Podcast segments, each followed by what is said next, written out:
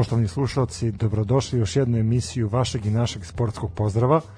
Danas se družimo 26. put, 26. broj koji simbolizuje i ovu emisiju danas i ja bih hteo da čestitam mom dragom kolegi i istaknutom prijatelju I bratu. i bratu Stanislavu I tati. rođendan 26. I mami.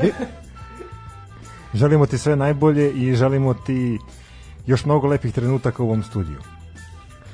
Da, do sad su svi bili tužni, ovaj da, pa da ne krene nešto malo nešto i na bolje. Ne, šalimo se. Hvala, hvala, ovaj, hvala vama momci na prvo fantastičnom iznenađenju koje ćemo razmisliti da li će završiti na društvenim mrežama pošto je kompromitujuće za neke, ovaj, čitaj Svetozara. Ovaj tako da sve u suštini hvala vam puno. Hvala svima na ovaj na porukama i na sve pošto su i Daško i mlađe čestitali ovaj rođendan i onda je stiglo stiglo brdo poruka, stiglo i provokativnih poklona o kojima nećemo sad raspravljati. Ali pa ništa u to ime živeli. Šta to Živeli, bez crkanja. Bez crkanja nećemo pored mikrofona.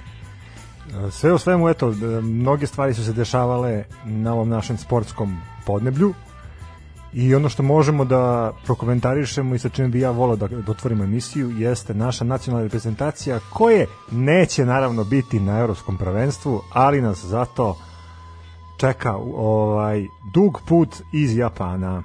Eto, naša reprezentacija je danas igrala utakmicu Kirin Kupa sa selekcijom Japana. Naši reprezentativci su izgubili rezultatom 1-0. Strelac je bio Ito u, 70, u 67. minutu. 48, ali nema veze. 48. Ali lupio minut, da, po, pojma ne kad je, ali da, šest, Ne, ne, vidi, vidi, vidi, ki, ovo, taj krilin kup, znači, to je, ako dete neće da vam zaspi, pustite ovo, znači, vidi. To je igralo se kad u, u pola 1. Pa taman za matine dremku, znači, ono, ni za šta nije ličilo. A kakav je to kup šta kao, ko pobedi? A krilin kup, znaš, onaj iz Goku, onaj lik, onaj Da, ćelavi. jeste, Vegeta kup. je tako. Sve u svemu naša reprezentacija je uspela da osvoji jedan bod na tom Kirin kupu od tri reprezentacije i da zauzme ne znam koje mesto, nije ni bitno, sve u svemu loše su se pokazali uh, u novinama ćete čuti verovatno kako su naši igrali svim srcem, kako je selektor tražio pogodan tim, kako je pokušavao da uigra ekipu naši su uspeli da postignu taj jedan gol i to nesrećni Jamajci ko zna na čemu su bili oni mislim na igrače da, Jamajke Da, dim iz moje lule, to smo već pričali o tome prošli put. Međutim, evo, protiv ovaj, Japana servirana je, ovaj, da kažemo, osveta za Takumu Asana. Da, Takuma Asano je igrao Tako je, da. Protiv naše reprezentacije. Šta, samo za Jamajku da iskomentarišem da jedine pohvale idu Strahinje Pavloviću, ovo ostalo. Aj, zbog gola manje više, više zbog te borbenosti i želje za igrom uopšte, znači. Ovo ostalo u fazonu, ako baš moram. Da, pritom je čovjek igrao sa infekcijom oka. Znači, to je bitno za Da, napomenuti. ti, I on je malo, malo, pre, malo je falo da inficira oko. Inficira oko. Pardon. Ma, da ga iskopa prvo, sam se pa onda da inficira. Meni, meni samo da. nije jasno kako si uspao sa balončićima da, da sebe dovedeš u jako ozbiljnu situaciju. Idemo dalje, reprezentacija Srbije je...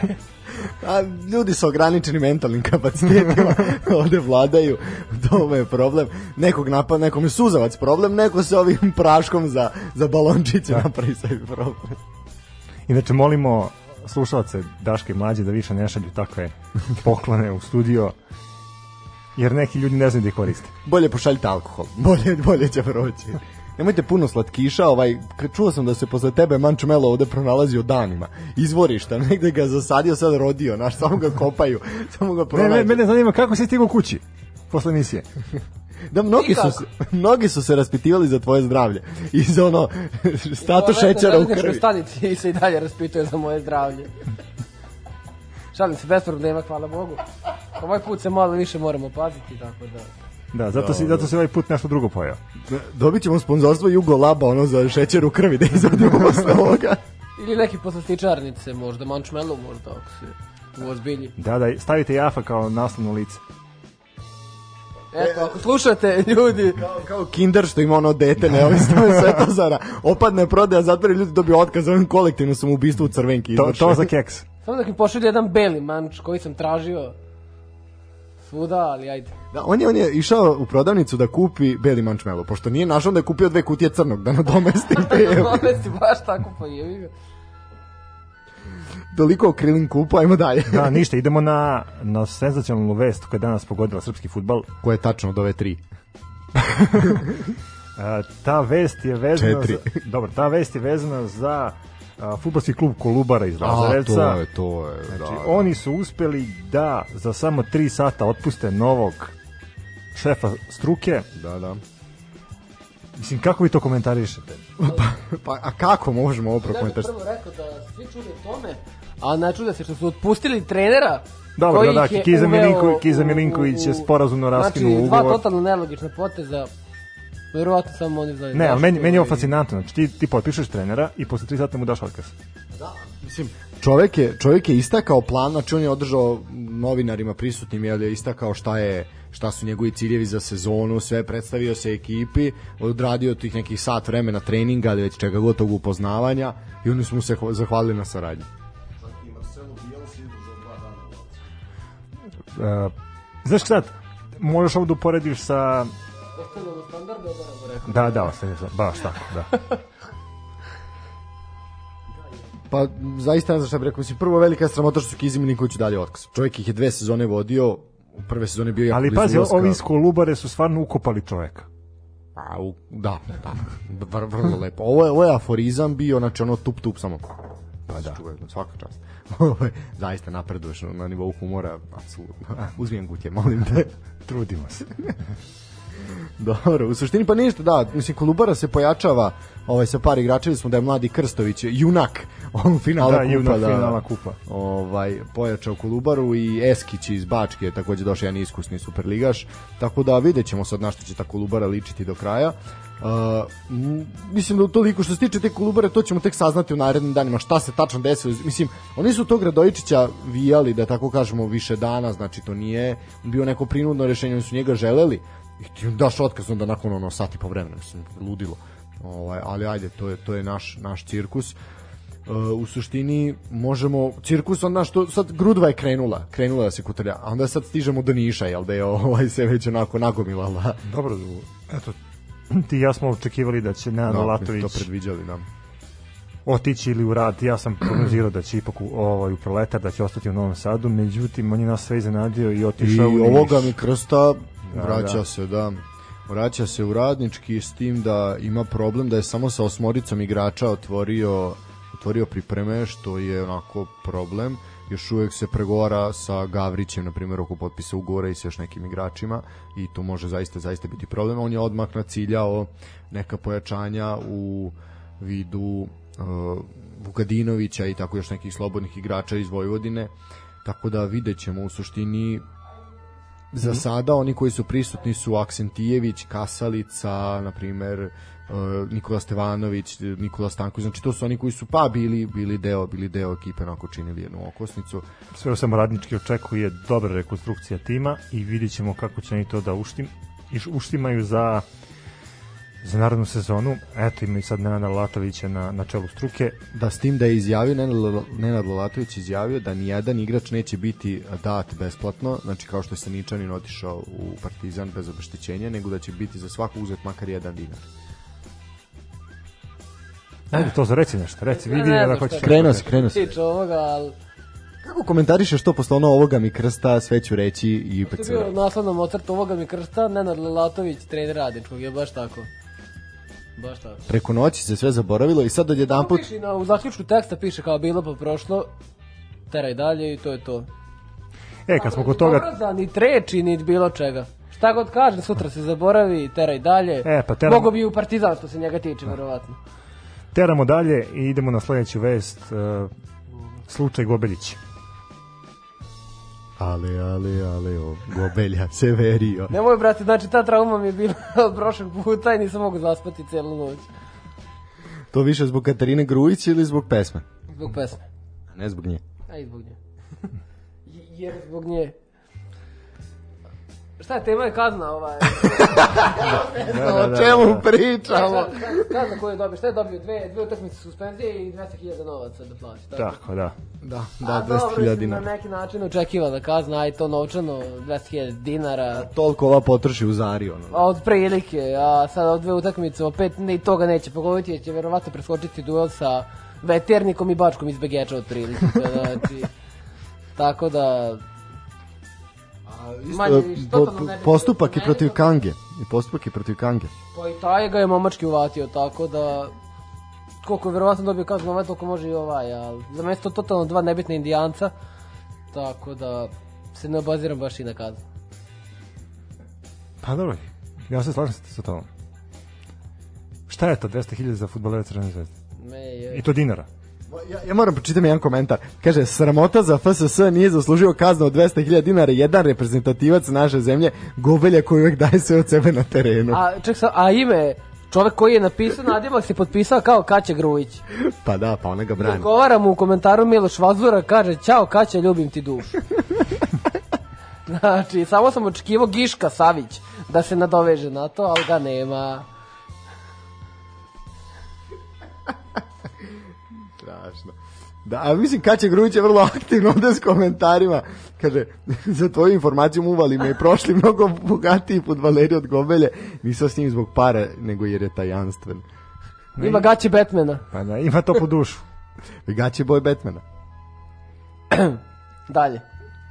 Znaš, kao, ko slagalici. Dalje, dalje, ide, dalje idemo na još jednog bivšeg zvezdinog igrača, Srđana Plašića, koji je napravio pometnju i skandal u Pragu, prešavši iz Sparte u gradskog rivala Slaviju. Vladimir Stojković na aparatima. Kako vi, na primjer, komentarišete taj njegov prelazak i kako vam se čini taj njegov potes? A, ne bih ja puno komentarisao prelazak, nije on toliko kao prelazak sporan, sporna izjava.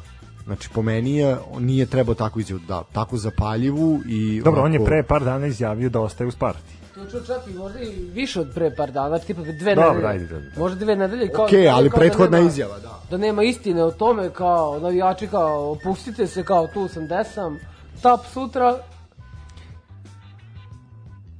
Ali mislim, u suštini ne možeš ti to sad da komentarišeš nešto da je to Partizan Zvezda, pa bi mi i lakše iskomentarisali, ja verujem. Nije, ali Znaš, pazi, Ovako e- to je Češka, realno, koga briga, ko je prešao Češke Dobro, ja, ti- ja ti pričam, razumeš, znači to je to je vest koja je pogodila A nije sportsku baš javnost. briga, ne, jest, znači ti kažem ti to je vest koja je pogodila sportsku javnost u, u Češkoj i ljudi pričaju o tome i to je za njih senzacija.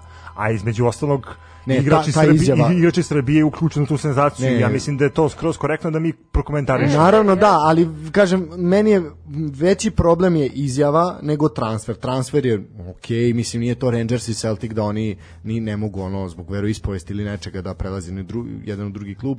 Nije ovo prvi transfer. Ali pazi, znači poslednji put se pre 22 godine desilo da jedan igrač pređe iz jednog u drugi klub. Da. Znači pre 22 godine. Sve opet kažem po meni to nije sporno pogotovo što se radi o strancu mislim realno za njih gledano o strancu. E, problem je ta izjava. Problem je gde ti pljuješ po klubu gde si bio znači onako spuštaš ih na jedan niski nivo i izjavljuješ kako si ovde došao da igraš sve evropska takmičenja, ligu šampiona, da osveš titule, da vamo, da tamo, kao sve što nisi imao priliku ovde. Mislim, a si ti dečko svestan da ti sad tamo kad izađeš u Prag na sladole, da ti ga neko nabiti na glavu. Mislim, to je samo pitanje. Ono, bez obzira koliko oni kulturni i fini bili, ipak je, ipak je to ozbiljan rivalitet. Ja Mislim da, da mu to nije trebalo. Da li ali- je Srđan Plavšić toliki kvalitet da se isplati da, da, da Slavija dovede igrača iz partije, to baš njega. Pazi, Sparta je njemu ponudila novi ugovor, samo znatno manji od onog koji on imao. I on nije hteo da, da, da pristane na, na smanjenje tog ugovora i prešao je u konkurentsku ekipu. Ja opet Sad- sad kažem titulu. meni meni meni ovaj nije sporan transfer sporno je ponašanje sporno je to to je ta izjava La Stojković pred finale kupa čemu to zašto dižeš tenziju jel on svestan da sle, sad u sezoni kad bude igrao derbi kad bude 40.000 Da. ljudi da će na svaki njegov dodir s loptom biti najžešće uvrede i zvižduci što ti to treba? A što kaže Svetozar, nije on sad neki kvalitet da je on sad ono može da nosi takav pritisak na leđima. Po meni bez veze. I sad će kaže Sparta uzeti titulu ove sezone baš zato što je ovaj prešao tamo da osvoji titulu Slavije i sad će Sparta da je uzme. A ne, verujem da će Slavija ipak mnogo. Pa ne znam, ja mislim, mislim Slavija ozbiljne pare ulaže u, u svoju ekipu i imaš i Viktoriju Plzen koji je isto gradi neku ekipu koja, koja može da bude konkurentna za, za osvajanje prvog mesta. Pa dobro, Slavija je i prošle sezone ulagala, pa koliko znam da ih je Midtjylland satro od futbola. Do, do, ne vredi ga ubeđivati, ovaj, ajde uzmi nešto slatko, pojedi malo šećer ti je skočio, ovaj, pa ne, bi skočio još malo više. E, ima, možemo s jednom lepom vešću, ako za to, ona, da Možemo, zatvorimo naravno. ovaj segment, a, a to je da je travnata podloga u Bačkoj Topoli spremna i uh, postoje šanse, nisu velike, ali postoje da se prvo kolo otvori na novom stadionu. Ono što je trenutno problem, problem su prostorije unutar stadiona, znači slačionice, pa damo sad sve što što ide, jel, ovaj, kancelarije Da, i da. tako dalje za novinare i tako dalje i tako dalje. Znači to je ono što je problem. Travnata podloga neće biti problem i ona će biti spremna. Tako da, ako ne u prvom, ali svakako negde na otvaranju sezone možemo očekivati i otvaranje stadiona. To je stvarno velika vest za, za naš futbal. Tako da nemam tu šta da do- dodam. Samo bih samo iz komentara sa, eto, kad smo pomenuli Topolu da su doveli ovog Stanojlovića iz Partizana. To je igrao u prvoj ligi, ne znam da je igrao, da... Igrao je u teleopti. U Loznici. Pa, Da, da, da. Bio Da, teleoptiku, ja da ovaj što dao koliko, pa onda 25 znao. golova. u- Da, bio je odličan strelac. Bilo je priče da će otići u metalac i na kraju je na kraju završio u TSC. Možda čak i bolje što je otišao u TSC nego metalac. Pa ja Pa mislim, ja mislim, ne, dobit će, pazi, dobit će šansu kod Mlana Krstajića, pritom, Pa dobio bi i kod Lazetića. Da, dobio bi kod Lazetića, da. pa dobro, ali nekako mi se čini da, da kad pogledam Metalac i TSC, TSC mi je mnogo ofanzivnija ekipa nego, nego Metalac. Pa sa Krstajićem... A, ajde.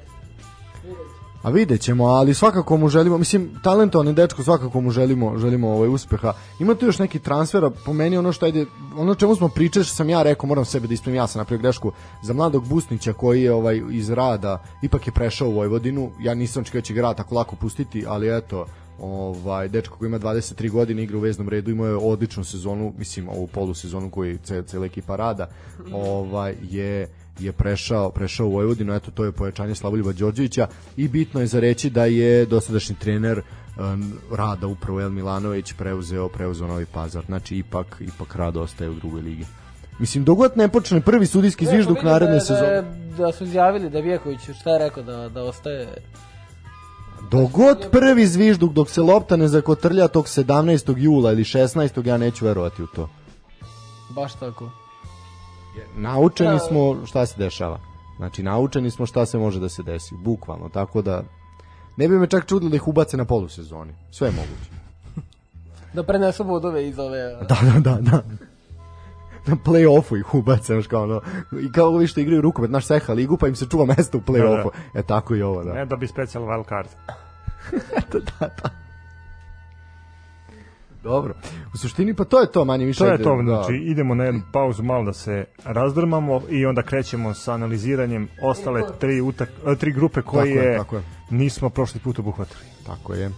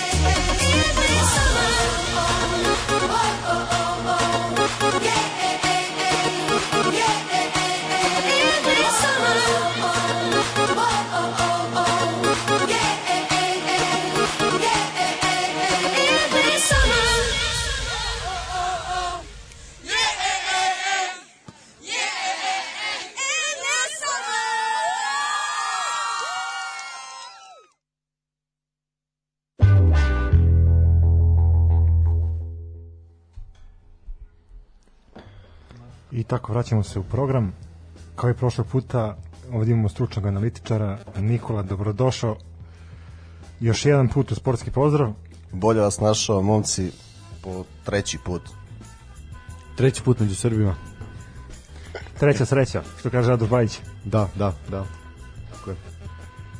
Ništa, ajmo ovaj ukratko, znači ovako uh, ajde prvo da kažemo da nas jel zapratite na svim društvenim mrežama, to malo, ono, malo izbacujemo to da ne budemo dosadni, ali moramo. Znači Like, Facebook, share, subscribe. to to to, standing a, reci još jednom. Ajde, još jednom. Like, share, subscribe. Dobro, gde se sve nalazimo, Svetozare? Instagram, Facebook, Twitter, Twitter, još? još. Pornhub.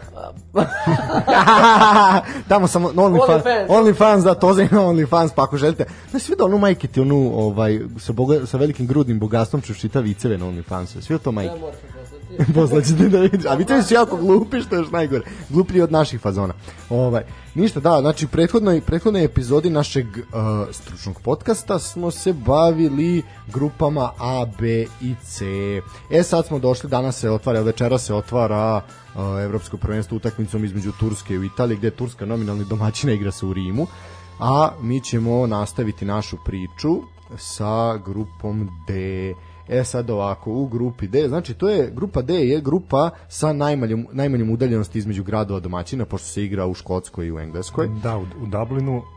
Ne, Ne, ne, u Glasgow, Glasgow, da, da, pravo si, pravo si, pravo si. Sad, to, to su Da, ovi, ne, to su ovi zeleni, to je... izba, izbacili su Dublin, ovaj, igrao se u Glasgowu i u Londonu. Da, e sad tu može biti, znači neki 500 km je razlika, ali je veliki problem što je Škotska najrigoroznija od svih ovih zemalja domaćina i Hrvatska je odlučila da svoj kamp izmesti zbog toga, jel rekli su Škoti ako imate jednog ako imate jednog zaraženog cela ekipa da se zaustavlja i 3-0 automatski za protivnika. Prošli put nisam bio tu da je meni ovo- ovaj sistem sa tih 10 gradova domaćina totalno sranje. I zato što imaš bukvalno 10 domaćina. Ovako se jednom timu davao prednost, tipa igra se u Engleskoj, Engleska ima prednost, tebi ovde ima prednost. Ne znam, Italija, pa ti ima prednost Danska, pa ti ima prednost Engleska, pa ti ima... Znači, to Engleska ne igra u Rimu, a Italija u, na Wembleyu. Samo se, evo sad, ajde kad si, kad si to spomenuo, kad si to Znači- spomenuo, ja te moram ovo, grupa, grupa E, pazi ovo majke ti, igra se u Sevilji, znači igra se Španija, Švedska, Španija, Poljska i Slovačka, Španija, to je grupa E. I onda imate utakmicu grupe E između Švedske i Poljske u San Petersburgu. Aj objasni to. To ti je... Znači, između San Petersburga i Sevilje imate oko 4000 km. Biciklom. Sve i da se teleportuju.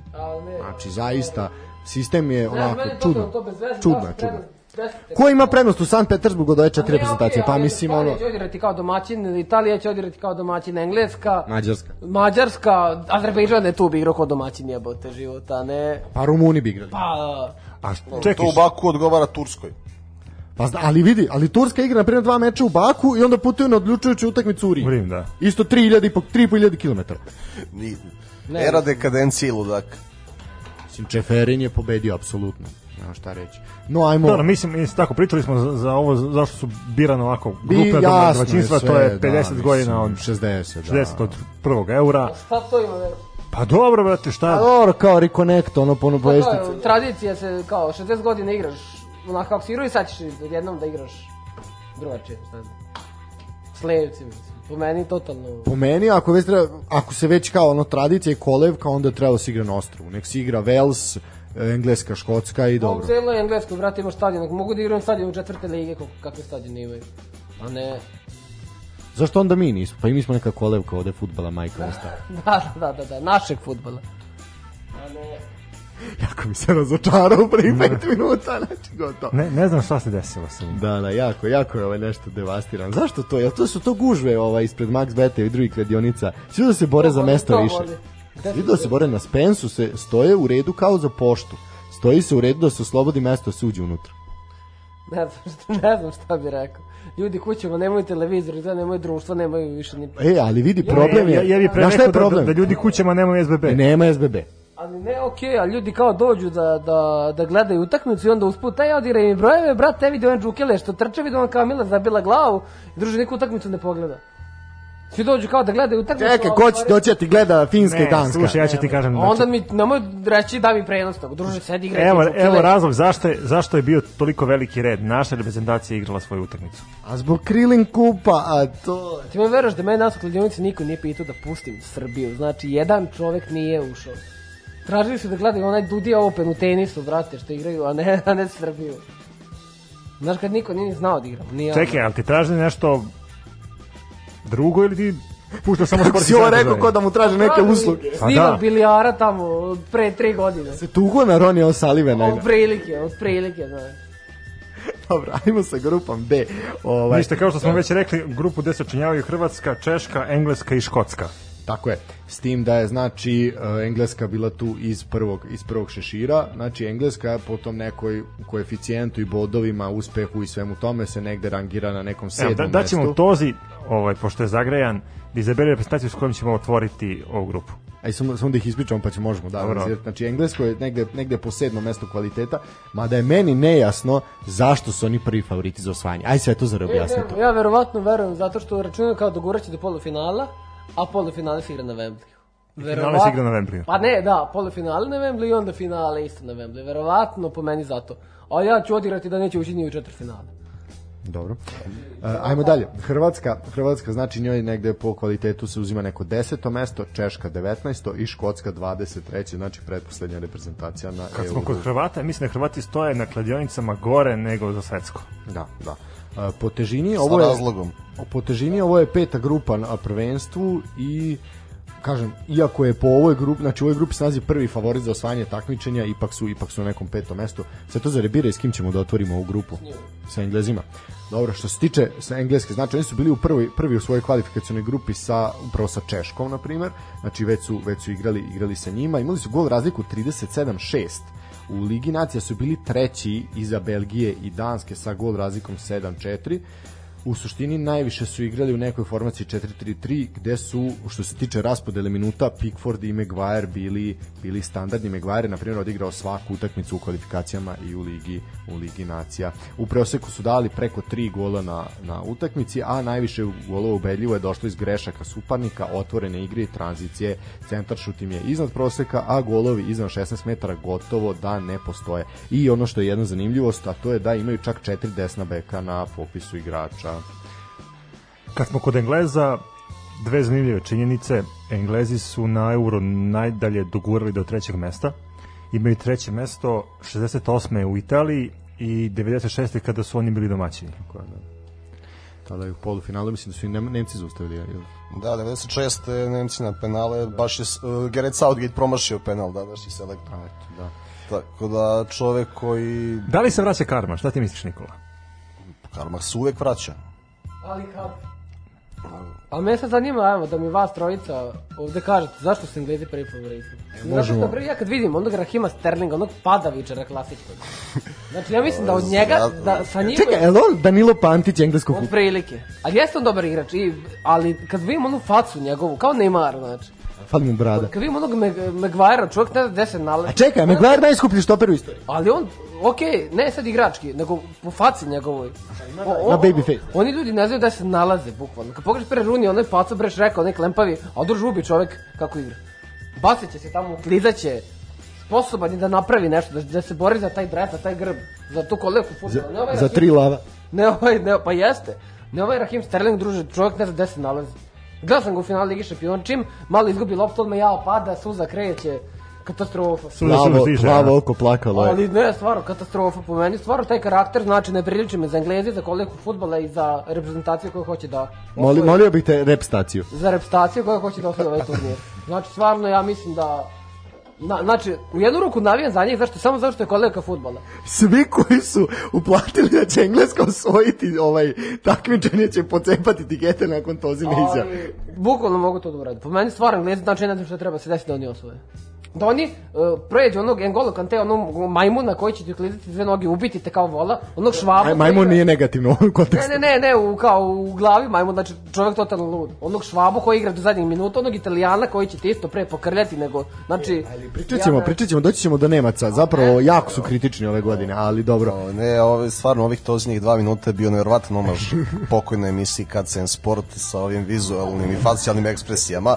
E, ajmo, ajmo malo, malo više, ovaj, ajmo malo više ovaj, o Englezima da, da, Da, što se tiče da ovako- priču. Zašto su prvi favoriti? Nisu prvi favoriti. Jedino- Ja mislim da nisu po prvi, ne, ja jesu. mislim da nisu prvi favoriti. Možda, možda na kladionici jesu, Pa to- ali, ali po, po sastavu nisu, jesu, definitivno pa nisu. da. Centri kladionica su u Engleskoj. Možda oni znaju nešto što mi ne znamo, možda računaju na to domaćinstvo da će doći do polufinala da im nekako čiste kostur. Zaista nisu prvi favoriti. Oni samo jesu nikad interesantniji. e, Pa, pa od 2006. godine sigurno kad su 2004. tačnije, kad su Gerard Lampard i Scholes bili zajedno i Beckham i mladi Rooney i Michael Owen i naravno nisu radili ništa jer su imali Gary'a Nevilla i Davida Jamesa na golu. Ali, ovaj, Pa i sad imaju Pickforda koji nije, koji nije svetska klasa. Meni je zaista žao što se Pope povredio. Ja se nadam da će Henderson sada braniti. Koja je najveća klasa po vama? Samo da se ubacim, ja, samo najveća klasa po vama trenutno u engleskom timu. Walker, apsolutno. Phil, Phil Foden. Pa Foden, Walker, Ne znam, ja, Mason Mount, od njih zavisi. Fod- Foden i Mount sigurno, ali njihovo tek dolazi naravno Harry, Harry Kane. ja, ja ću opet, ja ću biti opet pristrasan i reći da, da, da, da, da Kane bi trebalo da izdominira ovo prvenstvo. Pritom imamo popriličnu turbulentnu sezonu u Tottenhamu, očekuje ga veliki transfer, vidjet ćemo šta će ispasti iz svega toga, mislim da je ovo prilika da se, što da ne, i što bolje proda. Ali stvarno koliko je propao Mourinho kada sa Kaneom koji igra na nivou za zlatnu loptu završi sedmi u ligi. To je to je ovaj, mala digresija. E, Ne, ja samo pričam o, tome kako je on imao sezonu. Ne, imao je sezonu, znači da je Tottenham imao kao tim bolje rezultate, mogao bi da konkuriše komotno za zlatnu loptu. Ja nisam video čoveka koji je uradio više individualno nego Harry Kane ove sezone i Mourinho ni to nije bilo dovoljno da, da bude bar u prva četiri plus, plus ovaj, elitna forma Sona, ali to, tako to ide kad se osloniš na to da će dva igrača ti daju 70% golova, to je koncept koji je potpuno pogrešan i to, to bi bilo to, ali da se vratimo na, na temu, nikad interesantniji Englezi, e, mogu da igraju i sa trojicom pozadi i sa četvoricom. Zaista su fleksibilni, menjaju formacije kako u, u, različitim utakmicama, tako i u toku utakmice sa jednim, sa dva napadača, što im opet omogućuje kompatibilnost e, nižih igra, e, i krilnih igrača sa Harijem Kaneom. E, nekada Sterling igra drugog napadača. Žao mi je što nema Vardija, što je odlučio da se penzioniše sada kada kada bi mogao da igra uz Kejna i da E, to napada je po dubinu. meni pravi onaj englez, onaj borbeni, ludi, pijani, onaj nenormalni englez koji će ti dati sve od sebe, znači i osvojiti to. A pre toga najesti se neke masne hrane. Ali daće opet sve od sebe, znači popiće tri piva pre utakmice, pojesti. Ne, uvek Red Bull, uvek Red Bull je Znači, tradicija. ubiće se kao majmun, poješće šta god treba, popiće šta god treba i osvojit će to prvenstvo. Znači, polomit će jednu korer zastavi se tamo. A, vidim da je njegov, to ova, ova filozofija slična kako radi emisiju. Najde se kao životinja, napije se i onda I dođe da dođe da- priča. Da. koji jednostavno živi za taj fudbal, koji Ne, je a- odrastao u tu... Što kaže da on živi za emisiju. Ne, ako, je, ako je potrebno da izdominiraš na terenu kao ti u studiju, ja ću sledeći put stvarno doneti Red Bull. ali ne, po meni stvarno, znači... čovjek- Poenta u Red Bull pojenju masne hrane. Ne, ne, ne, na, Pa naravno, do- do- da donesimo, na, donesimo ono što Jamie Vardy uzima u off sezoni. Ono što ne sme inače zbog doping kontrole. Baš sam nedavno gledao ovaj snimak kući kad su slavili, kad su gledali Čeze Tottenham pa je Vardy i doveo cijelu ekipu pa su kao slavili. Druž, to je po meni Englezi, to je po meni futbol, a ne ti ovi manekeni, neki Sterling i koji kakvi opet šabani. E, a kako, na primjer, komentarišete što je Southgate na prvenstvu poveo četiri desna beka? Opet, znaš kako, to ti samo govori o tome da će igrati s trojicom pozadi Voker, njemu igra češće bočnog štopera nego wingbacka. Tripije ne može da igra u formaciji sa četiri pozadi, a da ne bude pregažen. Tripije tu ima elitni prekid, Arnold ima elitni prekid i pozi, pošto Englezi jedino gde imaju deficit na pozicijama, to su centralni vezni i šestice. Arnold će možda u nekim trenucima igrati uz Hendersona uh, u veznom redu, što je sad A tu je Henderson je upitan zbog povrede, da, to je sad pitanje ko. ne može A jeste, da- da. Ali ne, ali Ako Henderson... je malo lošije na terenu, dok će to srcem, kako da kažem. Odigra Ne, okej, samo je pitanje da li će biti tu za ove uvodne utakmice, to je veliko nije, nije, pitanje. nije problem Henderson. Henderson je najmanji problem, ali... Ali neće biti tu zbog povrede, mislim, neće biti prisutan. Dobro, ušao je sada u prijateljskoj. Pa dobro, pitanje je koliko će biti spreman. Pa dobro, sad tiče- pitanje je, znaš kako, grupnu fazu možda može da iznesi i Calvin Phillips nakon odlične sezone A, u Leedsu, možda čak ali i Rice dođe- ili već nešto. da. Kada, kada dođe knockout, e, tu š- e, Englezi će da pregaze grupu, što se mene tiče. Nije, njima to odgovara, e, kao i Belgija, gde je većina igrača u premier ligi. E, njima to odgovara da se igra na gol više, znamo kako Englezi igraju. E, ligaški sistem, tri boda, idu po njih super Englezi, pa problem nastaje u nokautu. I prvo ključ je taj vezni red, da, da ko uz Hendersona može da iskontroliše utakmicu e, protiv elitnih timova, sporiji tempo, reprezentativni futbol vrućina, oni su navikli na taj tempo, dum dum, igra se e, na sve strane, e, kada protivnik stane plitko, nije čak ni to problem, nego kada treba da izdominiraju nad protivničkim veznim redom, evo da neka izvuku Italiju. Kako da pariraju Žoržinju i Veratiju, na primjer. Ovaj ovako, ajde sad samo kratko. Znači ako budu igrali sa tri sa tri pozadi, Walker će biti ključna figura. Znači jedini je tu dovoljno brz, a dovoljno je i jak i brz da može da pokrije krila. Znači u toj u toj konstelaciji snaga će Walker i Maguire iznositi loptu i oni to mogu da urade bez pomoći veznih igrača. Znači oni imaju taj kvalitet, zato je Maguire najskuplji štoper na svetu, zato što ima tehniku da izvuče loptu. I zato što ima elitno zonsko branjenje. Tako je. A nije on kriv što igra, što ga trenira Ole Gunnar i što igra s Viktorom Lindelofom. Mislim, zaista ni- niti je sam sebe platio 80 miliona. Harry Maguire je jedan od najboljih centralnih bekova na svetu što je pokazao i u u Rusiji na svetskom prvenstvu što će da pokaže ovog puta. Nije problem Maguire, ja vidim više problem u Stonesu. Ja sumnjam u Stonesa koji bez Guardiole pitanje je kakav nivo futbala će da pruži kao centralni štoper. Mislim da prvo nije dovoljno dobar korektor, e, drugo što neretko jednostavno gu, olako gubi duel u velikim utakmicama, čak i pod Guardiolom, a posebno bez njega. Što se tiče malo statistike Engleza, oni su prvi po broju postignutih golova u proseku, znači 4,6 golova imaju u kvalifikacijama, doduše kad pogledaš kim su bili u grupi, to i nije tako teško. teško. E, Stvorenih prilika imaju negde oko 5,5 prilika u proseku, a udarci, odnos udaraca unutar 16 metara i van 16 metara, znači 82% udaraca je iz kaznenog prostora što pokazuje pokazuje kako igraju. E, pokušani driblinzi negdje imaju 22 pokušana driblinga po, po utakmici što je zaista isto visok visok broj. Po meni u veznom redu je bitan Rice, fali će Henderson tim uvodnim mečima, mada što kaže Nikola će to izgurati. A, Mason Mount će imati isto bitnu ulogu, znači on će igrati dublje, može čak da se povuče i po krilu i jako dobro se upotpunjuje sa svima, jako brzo se oslobađa suparnika, stvara prostor za utrčavanje i vrši pritisak, vrši pritisak na protivnika. E sad postoji čak mogućnost da ako Walker ne bude igrao, nego ako bude igrao ovaj Arnold, pa da, da se Rice pušta kao, kao treći štopera, da se bekovi dižu visoko. Znači u suštini mehanizam će biti isti. Tri štopera, dva vezna, daju stabilnost u otvaranju igre. Znači vi sa pet igrača otvarate igru.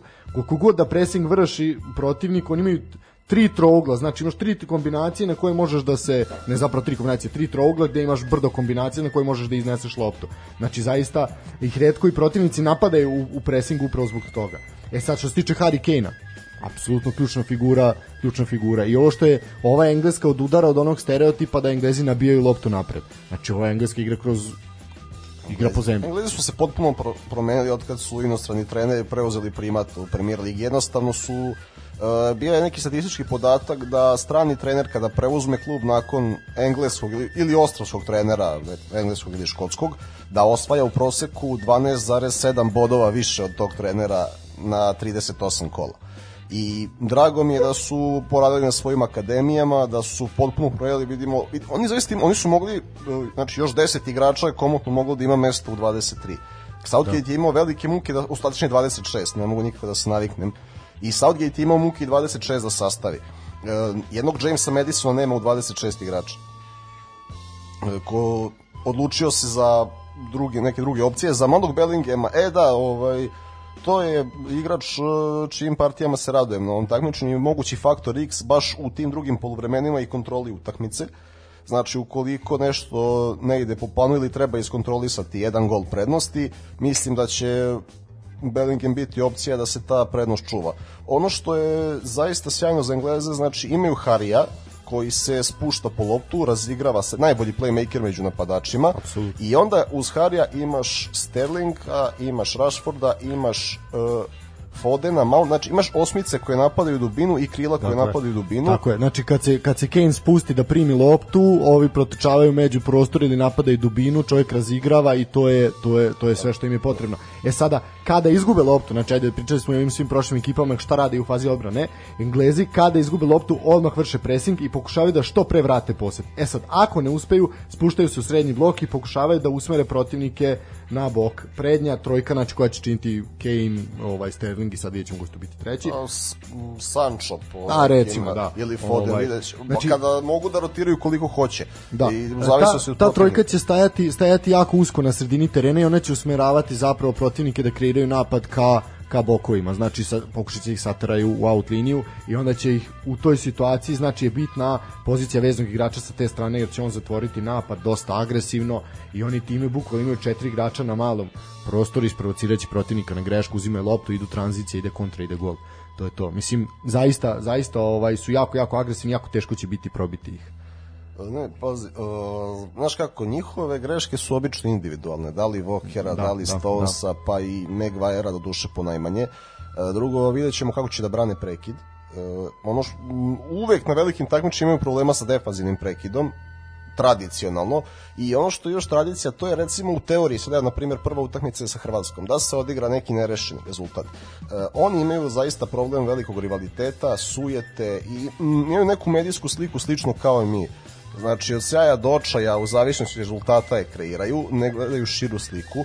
I recimo sada, ako podbaci Phil Foden, e, imate medije koji su pro Manchester United koji će da pišu zašto nije igrao Greenwood i obrnuto. Stalno imaju, sami sebi su veliki neprijatelji, nabijaju pritisak to od ta- 60... tabloidi se od, pa da, i tabloidna reprezentacija i od 66. koje opet svi osporavaju kada su osvojili kao domaćini, nisu radili ništa veliko i taj pritisak ih, mislim da je, njima je 66 a više ne, možda i odnela nego donela, jer da nisu to uradili možda bi osvojili više velikih Da, da, ja se slažem sa sa tom. Nekako nose pritisak te generacije 66. I nosi I, svi, je večno, i da. da su da su pokrali svetsko prvenstvo, svi ih mrze, jedva čekaju da ispadnu, oni opet sami sa sobom vode neke ratove i na kraju od velikih očekivanja dođe do raspada. Ovo, ide- ovo i Katar su im idealne prilike. Sa ovom bazom futbalera, tehnički, taktički obučenih, koji mogu da igraju na više pozicija, jer nije to samo što imaju 26 igrača, nego uh, Phil Foden igra na četiri pozicije kod Guardiola. Mason Mount igra na tri pozicije. Ali isto jedna jako bitna stvar, ovo sad će pobiti tvoju to, tezu ovaj Svetozare, a to je da, znači ti primetit ćeš, obrati pažnju, onaj igrač koji izgubi loptu prvi je na presingu, prvi će napasti da je vrati. Znači, izuzetno disciplinovano igraju u tom delu. Videćeš, izuzetno će biti borbeni. Evo, valjda pa, su- obrati, vaj- obrati pažnju na to. Valjda su nešto naučili od Guardiole, Klopa i Pochetina za sve ove godine. Da, mislim što se tiče najveće zvezde, to je definitivno Harry Kane. Mislim tako smo ajde najavljivali prošle prošle reprezentacije, pa ćemo nastaviti u tom stilu. Znači Harry Kane ima čovjek gol po utakmici. Znači ono ubedio, ubedio najbolji. Rekli smo Maguire je bitan za izgradnju za izgradnju igre. Ko od mladih igrača, znači ovo je izuzetno mladi sastav engleski. Ko je po tebi od mladih igrača najbitniji tu? Da, Foden i, i Bellingham kao X faktor na Foden. poziciji, jer nemaju, Henderson je jedina elitna šestica. Ja na, nisam toliki fan Declana Ricea, e, više sam fan Calvina Phillipsa, ali ne znam kako će on da igra bez Bielse, o, jer opet on, klubski sistem i reprezentacija nisu isto. Uh, on kod Bielse tačno zna u svakom momentu šta treba da radi, uh, tako da mislim da je Bellingham momak jedan, isto kao i Foden, zaista elitni talenat i radujem se njegovim partijama. Spomenuo si Davida Jamesa. Ovaj, mi kao ljubitelji Premier Lige u tom periodu ga ono, volimo i cenimo i sve on zaista legenda Premier Lige, legenda i reprezentacije. Po meni, najslabija karika ove reprezentacije je Pickford. Ubedljivo. Ja, ja sam za Hendersona ako, već, ako se već po- povredio. Znači, čovjek, mislim, on ne može se reći da Pickford nije kvalitetan golman. Jeste, ali nije na nivou ostalih igrača. Znači, nije elitni gol. Nije elitni golman, niti je, kako sad, on, Saudi ga je odmah stavio zato što je hteo da potpuno promeni filozofiju reprezentacije nakon Roja Hodgsona da se igra iz zadnje linije. Problem je što Pickford nije ni blizu e, dobar dodavač kao recimo Ederson, a sa druge strane ne nadomesti to na liniji. I uvek može da uradi nešto da vrati protivnika u život. Da, mislim do, doći ćemo na primjer do, do Slovačke i do Dubravke ćemo doći pa ćemo pričati o njemu da koja je to razlika zapravo ovaj gde čovjek koji ima najviše odbrana po utakmici, mislim ono ima preko pet odbrana po utakmici, zaista zaista ludilo. U suštini, ajde, mislim da smo izanalizirali dovoljno dovoljno Engleze i mogli bi mogli bi na, na naše susjede ovaj, Ili na engleski sused, a? Kog ćemo? Uh, Pa ajmo na naše susjede, naši su nam bliži. Naši su nam bliži, draži su nam. Što se tiče što se tiče Hrvatske, znači oni su bili prvi u svojoj kvalifikacionoj grupi sa uh, 17-7 gol razlikom. To je ona čuvena grupa kvalifikacije da je otišlo čak četiri reprezentacije na na evropsko prvenstvo, znači ispred Velsa, Slovačke i Mađarske. E sad u Ligi nacija su bili treći za Francuske i Portugala. Imali su isti broj brodova kao Švedska, ali su jedan, jedan gol uh, je bilo bolja gol razlika, pa su Šveđani ispali u uh, niži rang takmičenja Lige nacija, a, A Hrvati Hrvati su ostali, ostali, da. da. Što se tiče neke postavke, selektor Dalić uglavnom igra u 4-2-3-1, s tim da je Livaković najstandardniji na golu, ostali su se zaista, zaista rotirali. Lovren je igrao kad je bio čitav, posle njega je tu Duje Ćaleta Caru letao, znači zaista, zaista su se rotirali na svim Joško Guardiol, da, on, on je onako senzacija koja se mnogo očekuje. E sad, što se tiče e, golova, oni su negde u proseku po efikasnosti. Znači, imaju golova izvan 16 metara, tranzicija iznad proseka, otvorena igra u proseku, znači e, greške suparnika i centar šuti su ispod proseka. Znači, svuda su tu negde, igraju raznovrsno i može se kroz svaki segment postići, postići pogodak. E sad, Kada pričamo o Hrvatima na Euru, uh, njihov najveći uspeh je četvrti finale 96. i 2008. Mislim da je to možda u ovom trenutku i njihov limit na ovom prvenstvu, ali možda me razuvere. A, da, pitanje, pitanje sad ova reprezentacija dosta dosta slabija, ali o, ono što svakako bih ja istakao kao meni što se sviđa, a to je upravo Livaković na golu u odnosu na Subašića koji je bio pre njega. A, zašto? Zato što čovek ima jako precizno, jako precizan pas, znači pogotovo mislim na duge lopte, on zaista zaista pogađa jako dobro igrače i u tom nekom pritisku ako ne budu mogli da iznesu loptu što neće možda biti ovaj ni toliko čest slučaj, ali dešavaće se, zaista zaista može da pogodi pogodi igrače. Po meni najveći problem je svakog Lovrenova povreda, to je možda i najveći najveći hendikep ovaj od onih igrača koji mogu da igraju a nedostaju. Menjaće ga, menjaće ga Duje Ćaleta, car čovjek koji ima solidnu tehniku, može da može da iznese loptu i koji Ne solidno će Dujeć, ali ta car ima elitnu tehniku i elitni pas. On je jedan od najboljih dodavača među centralnim bekovima u Evropi. e, ko je gledao Marsi mogao je da primeti da igra levog centralnog beka i da dijagonal, e, dijagonalni pas neretko deli desnom spoljnom. E, uživanje je gledati ga, e, kao i samog Joška Gvardiola. Znači, u slučaju da se na terenu nađu duet Ćaleta Car i Joško Gvardiol, Hrvatska ima možda i najbolji dodavački štoperski par. I kada na to dodamo Livakovića, e, tehnički obučene bekove, Modrića, Modrića i Brozovića, znači zaista to E, je... o tome se, ajmo malo ovako o Hrvatima. Znači, e, svi mi znamo da Zlatko Gdalić nije genije, što je pokazao jednom od posljednjih izjava koju je dao i koja je skandalozna, što se mene tiče, gde je kvalitete svog centarfora minimalizovao. Znači, on kaže, ne treba meni Bruno Petković da igra futbal, nego da da gol. A upravo, šta on, igra mi daleko Bruno od gola, Petković, da, da. baš zato ti Dobro, je to je potrebno... možda da se skrene mali pritisak sa samo igrača sa reprezentacije. Ima tu Pa Ima sad caha, pitanje, pazi, pitanje pazi, psihologije, pazi, da, tu caha, pitanje da. psihologije, šta je on Ne, time hteo, ali... Svi mi znamo da je Zlatko Dalić tu za atmosferu.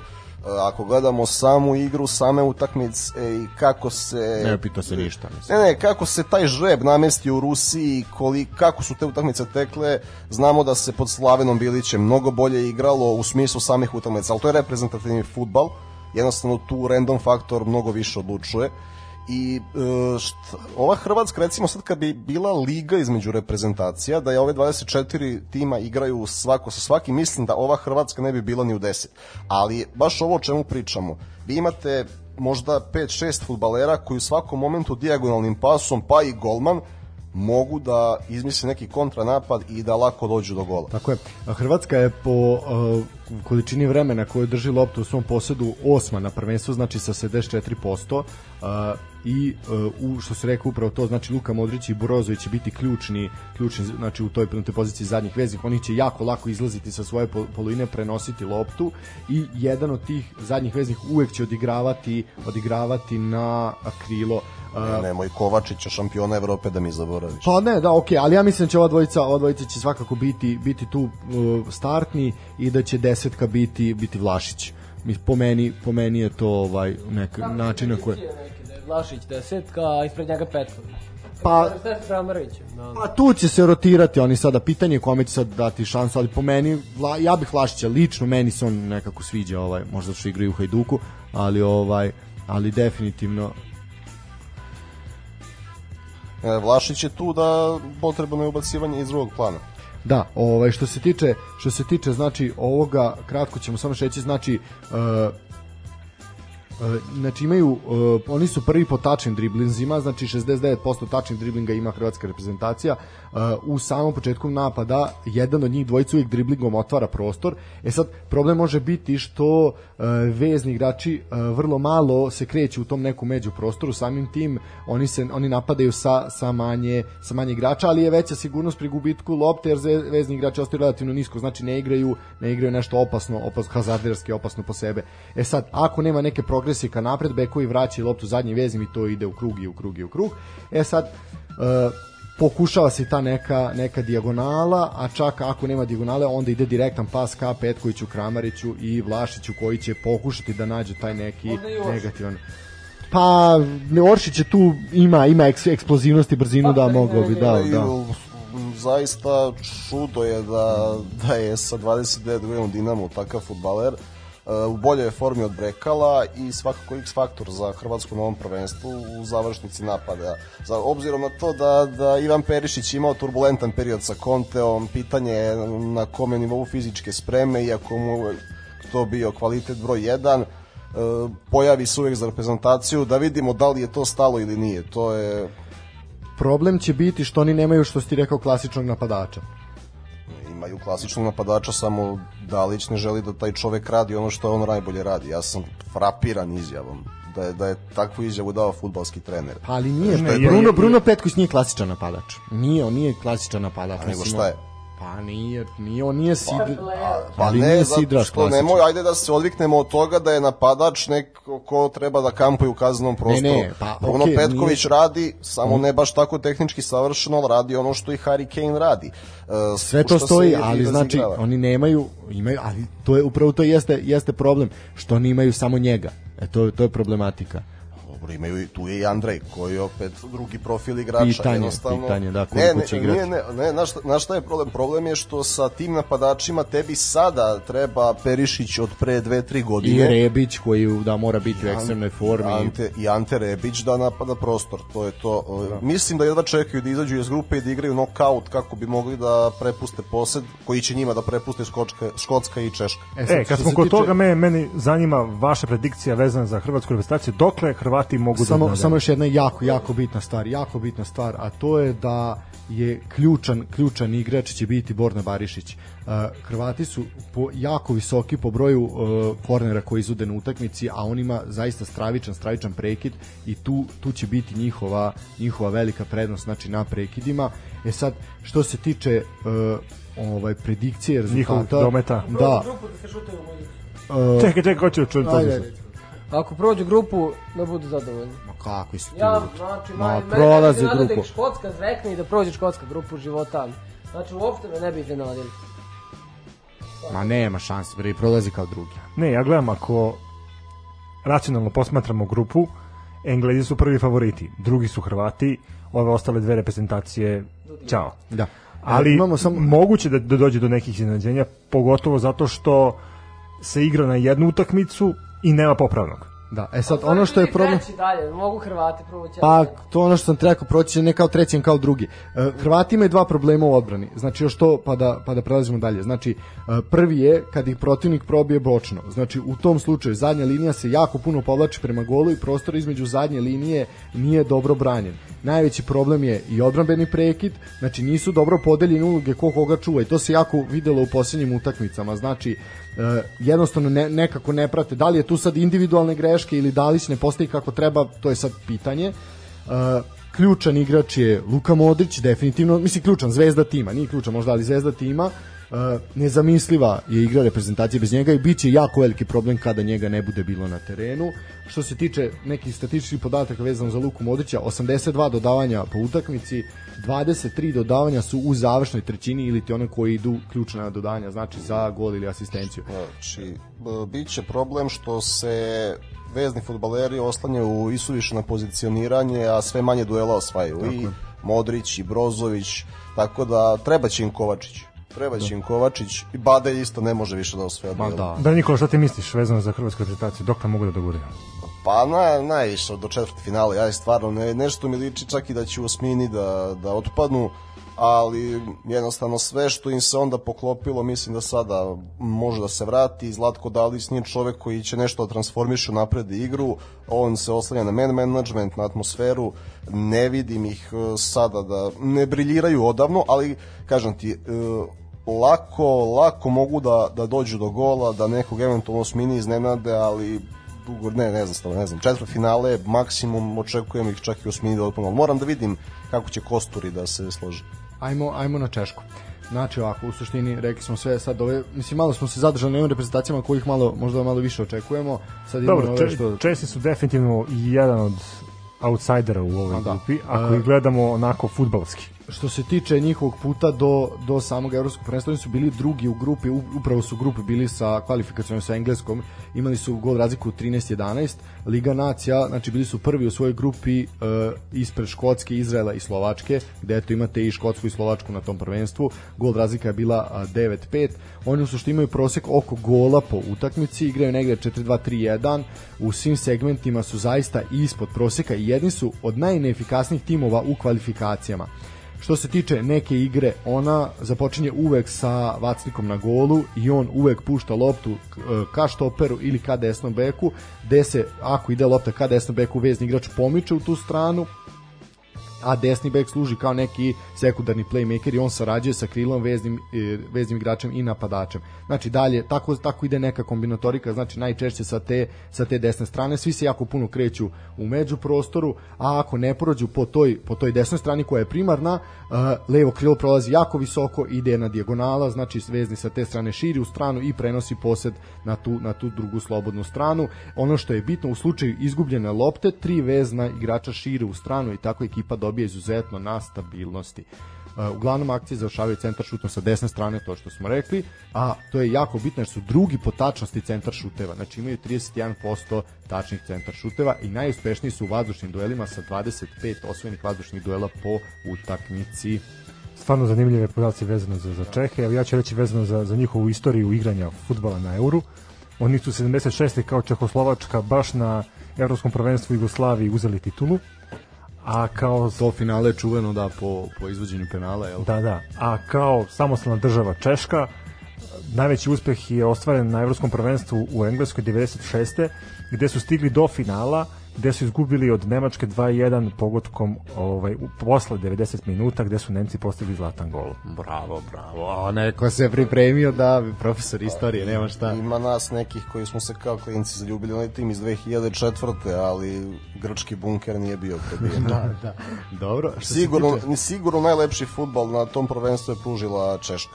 Jeste, jeste, sigurno, sigurno. Meni se sviđa i 2006. godine kako su igrali, bili su... Ne, imali su, imali su dobre reprezentativci, su. imali su dobar tim i Ono, kad njih gledamo kao... Na svih 11 pozicija. A da, zaista. kad njih gledamo kao, kao reprezentaciju, mi pamtimo dva, tri igrača po generaciji, ali kao tim su uvek bili karakteristični. Pamtimo i više od 2-3, ali dobro, da, uvek je tu bilo... Uvek Pazi, je. Čeh, Grigera, Ujfaluši, A da. Jankulovski, Nedved, Poborski, Baroš, Šmiter, Rosicki. Koler, Rosicki, naravno, čuvam ga za kraj, da. Nedved, uh, Jaroslav Plašil, Zaista, zaista fantastična, fantastična reprezentacija i uvek nekako baš zbog toga uvek imaju neke neke naše simpatije.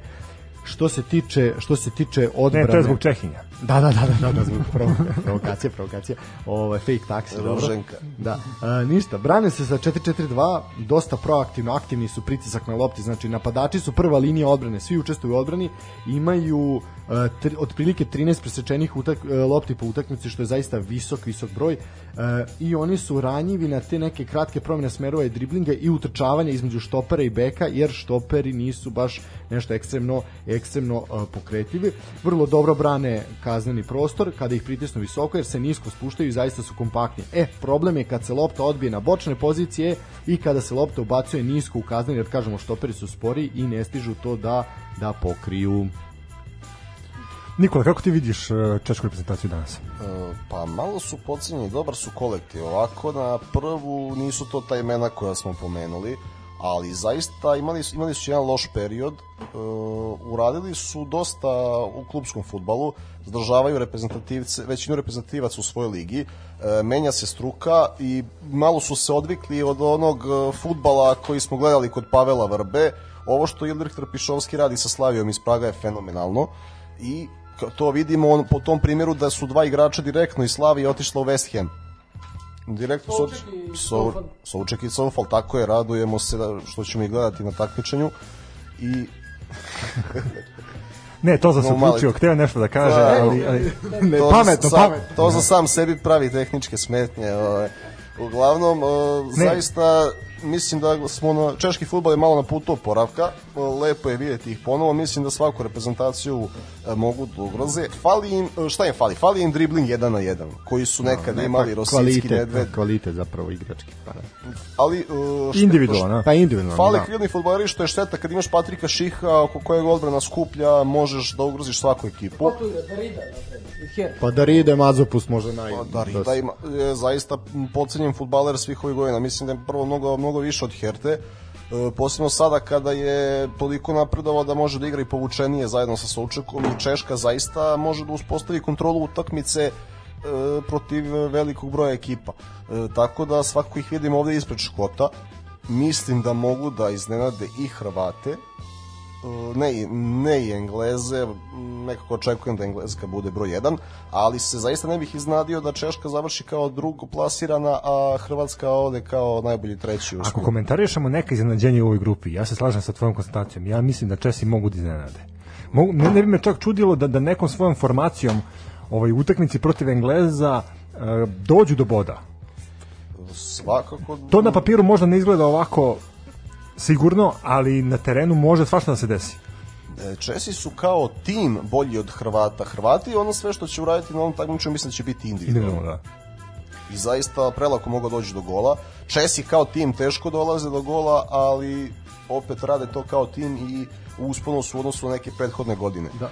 Tako da mislim da moraju da iskoriste ovo što Souček i Sofal igraju u klubskom futbalu i Patrik Ših imaju jednostavne ali uigrane mehanizme i mislim da su nezgodan protivnik za svakoga. Ono što moraju dalje da rade na razvoju igrača, na pre svega na krilnim pozicijama, jednostavno ve, uglavnom su visoki, teški, nado- nadomeste to dobrom trkom, pozicioniranjem, ali fali, fali im to, jednostavno nemaju igrača više o, koji izazivaju uzdahe neutralnih ljubitelja fudbala. Ajmo dalje. Idemo na, na, na škote. Idemo na Škotsku. Ovo je bolna tema. Pa i nije. Za nas koji smo navijali za njih i nije. Ovaj, znači, Znači, radimo- da, da, da, da podsjetimo, više puta smo pričali o Da, tome, e. Škoti su došli na prvenstvo preko naših leđa. Ali dok je došlo do naših leđa... Ali dok je došlo do naših leđa, bili su treći u kvalifikacijama je, i sreću su tražili u baražu za Ligu nacija. Tako je, znači treći su bili u grupi iza Belgije i Rusije, imali su negativnu gol razliku 16-19, a u Ligi nacija su bili upravo iza Češke e, 5-4 gol razlika, a ispred Izraela i Slovačke. E, u suštini sve to U suštini mo, mo, mogli smo da budemo mi, ali nismo. Da, ovaj, e, igraju 4-2-3-1, e, u Ligi Nacija je to bilo čak i 3-4-1-2, u suštini jako su neefikasni, imaju negde 1,3 gola po utakmici, najviše gola su postigli izvan 16 e, metara, a tek 3 gola su postigli iz otvorene igre. Svi ostali segmenti su zaista ispod ispod prosjeka. Što se, ono što karakteriše Škotsko je jako pravilna i disciplinovana struktura kako se pozicioniraju na terenu. Duga lopta je osovina napada, dvojica igrača relativno stoje blizu jedan drugom kako bi se snašli u slučaju odbijene lopte. Napad sa leve strane ima malo više opcija. E, McGregor je tu jako bitan odigrao zaista u svim smerovima. E, oni imaju najviše upućenih dugih lopti, e, čak 65 e, dugih lopti po utakmici. Znači, kada igraju sa tri nazad, sa desne strane, ide odmah duga lopta napred. Igrači se pozicioniraju jako dobro za tu dugu loptu. Mislim, to je njima u tradiciji kada prime loptu jako brzo upućuju udarac sa distance, znači ono kao na terminu da se što pre rešimo. E sad, sa te leve strane, to sam spomenuo, ona je jako bitna, jer tu imaju Robertsona, imaju uh, Tirnija i oni zaista daju jako, jako puno opcija. Ryana Frasera. Tako je, i dolazi do ozbiljne, ozbiljne kombinatorike. Peti su po uspešnom driblingu, znači imaju 65% uspešnosti. Prekidi sa leve strane su izuzetno opasni upravo zbog Robertsona. Uh, uspešnost vazdušnog duela je negde preko, znači dva osvojene, imaju 57%, znači su on svaki drugi. Osvojeni vazdušni dueli negde 24, 24 vazdušna duela po utakmici i ono što imam još jedan statistički parametar za njih, a to je da su uh, po uh, znači to je najbolji po tom parametru su najbolji najbolji na prvenstvu znači 24 vazdušna vazdušna duela uh, u suštini kada osvoje osvoje loptu četiri igrača jako brzo rade napadaju dubinu znači jako brzo se tranzicije u napad idu na idu na kontru brane se u suštini sa pet igrača u zadnjoj liniji uz visoki pressing napadaju beka odsecaju mogućnost povratnog pasa znači igraće grubo agresivno znači onako onako kako Onako muški u meso. pa muški u meso kako smo natera, navikli od njih kod Škota i njihove istorije vezane za euro treba napomenuti da su oni bili na euro 92. 96. bili su samo učesnici, znači stigli su samo do grupne faze. Posle 23 godine ponovo su na evropskoj sceni i iskreno da budemo njih očekujem isto što i na ta prethodna dva prvenstva na koja su igrali, znači grupnu fazu. Da, najveći problem u odbrani e, škotske reprezentacije je u tome što kada se spuste u kazneni prostor, znači kad je protivnik sabije, veznaci stoje na ivici kaznenog prostora. Između 25 i 30 metara je prepušten protivniku za kontrolu lopte i udarce. I često su udarci zbog e, maršala koji zaista nije nije elitni golman, jako čudno ponekad jako loša odbija lopte, lopte se odbijaju jako često, to možete proveriti, znači jako često se odbijaju noge napadačima, znači to je uglavnom uglavnom greška greška golmana i tu, tu nastaju nastaju problemi. Problemi su takođe su im stoperi izuzetno špori, spori. E, po meni Robertson je najbitniji igrač kao izvođač prekida, a McGregor je bitan kao veza veza sa bokovima, pa čak i McGinn kao neko ko daje vezu i, i sa, sa, sa napadačima. Fraser je izuzetno pokretljiv igrač, znači može da osvaja prostor, možda i možda i jedini koji koji to može da uradi. Nikola, kako ti vidiš škotsku reprezentaciju na euro? Pos- napredak postoji u posljednjih nekoliko godina, pre svega sa bazom igrača, ali nije dovoljno. Nije dovoljno, jednostavno još uvek su daleko od elitnih timova. E, ono što je dobro za njih to je da se pojednako dobro brane igrali sa četiri ili sa pet pozadi. E, Tierney igra na tom slučaju bočnog štopera, u slučaju da igra s četiri pozadi Tierney je bek, Robertson krilo. Robertson se prepušta ulogom wing beka i krila kako bi svoj ošli centaršut koristio u fazi napada. E, samim tim Robertson ima odličnu kombinatoriku sa Fraserom i to je ta osovina. E, ključni igrač, iako je Rob- Robertson jeste prva zvezda tima i kapiten, ključni igrač je Scott McTominay zato što je to jedini futbaler uz Billy Gilmora koji je u razvoju jedini futbaler koji može da parira elitnim veznacima. Kad pogledamo vezne futbalere koji igraju u, u ovoj grupi, Škotska ima problem tu i ima problem što nema devetke koja je dobar dodavač, može da sačuva loptu na pravi način i odlože krilnim futbalerima. Šta očekuješ od Che Adamsa? Če Adamsa ne očekujem ništa. Zašto? Ja mislim da on ima da on ima snagu i da može da bude onako dobar dobar targetman s obzirom da ima i pokretljivost, mislim da može da napravi neki problem. Ne očekujem previše od Che Adamsa, mislim da je mm, klasični championship napadač, Ralph Hasenhüttl mu je sakrio sve mane, mislim da Steve Clark nema vremena toliko da radi sa njim i to, to neće izvesti na, na tom nivou. Radujem se da gledam Billija Gilmora mm, i to bi bilo to što se tiče škotske reprezentacije. E, morat će, sv- svakako ne možete im dati gol tek tako, morat će da se pomuči timski i Engleska i Hrvatska i Češka, ali još uvek najslabija reprezentacija u ovoj grupi samo eto da pozdravimo napredak u smislu tehnike, neki novi mladi igrači koji lakše iznose loptu, igraju do nogi i zadnje linije. Ne mogu to kontinuirano da radi još uvek u reprezentaciji, ali će biti zanimljivo videti Škotsku u narednim godinama mogu li da, da zaliče na nešto iz 80-ih. U smislu rezultata, ne u smislu tog futbala. Meni je jako interesantno to kad e, pričamo eto i o Škotskoj i o Engleskoj i o Velesu eto tri reprezentacije sa ostrva su uspele da se kvalifikuju za euro. Osnivači. Da, da, osnim, baš ono tako, osnivači. Sve tri ekipe vidjet ćemo šta mogu da pruže ostrovske ekipe na ovom euru, a do tada, eto, mogli bi da odemo stvarno na jednu malu pauzu da se mi malo refrešujemo i da udahnemo u koji vazduh. Tako je, tako je.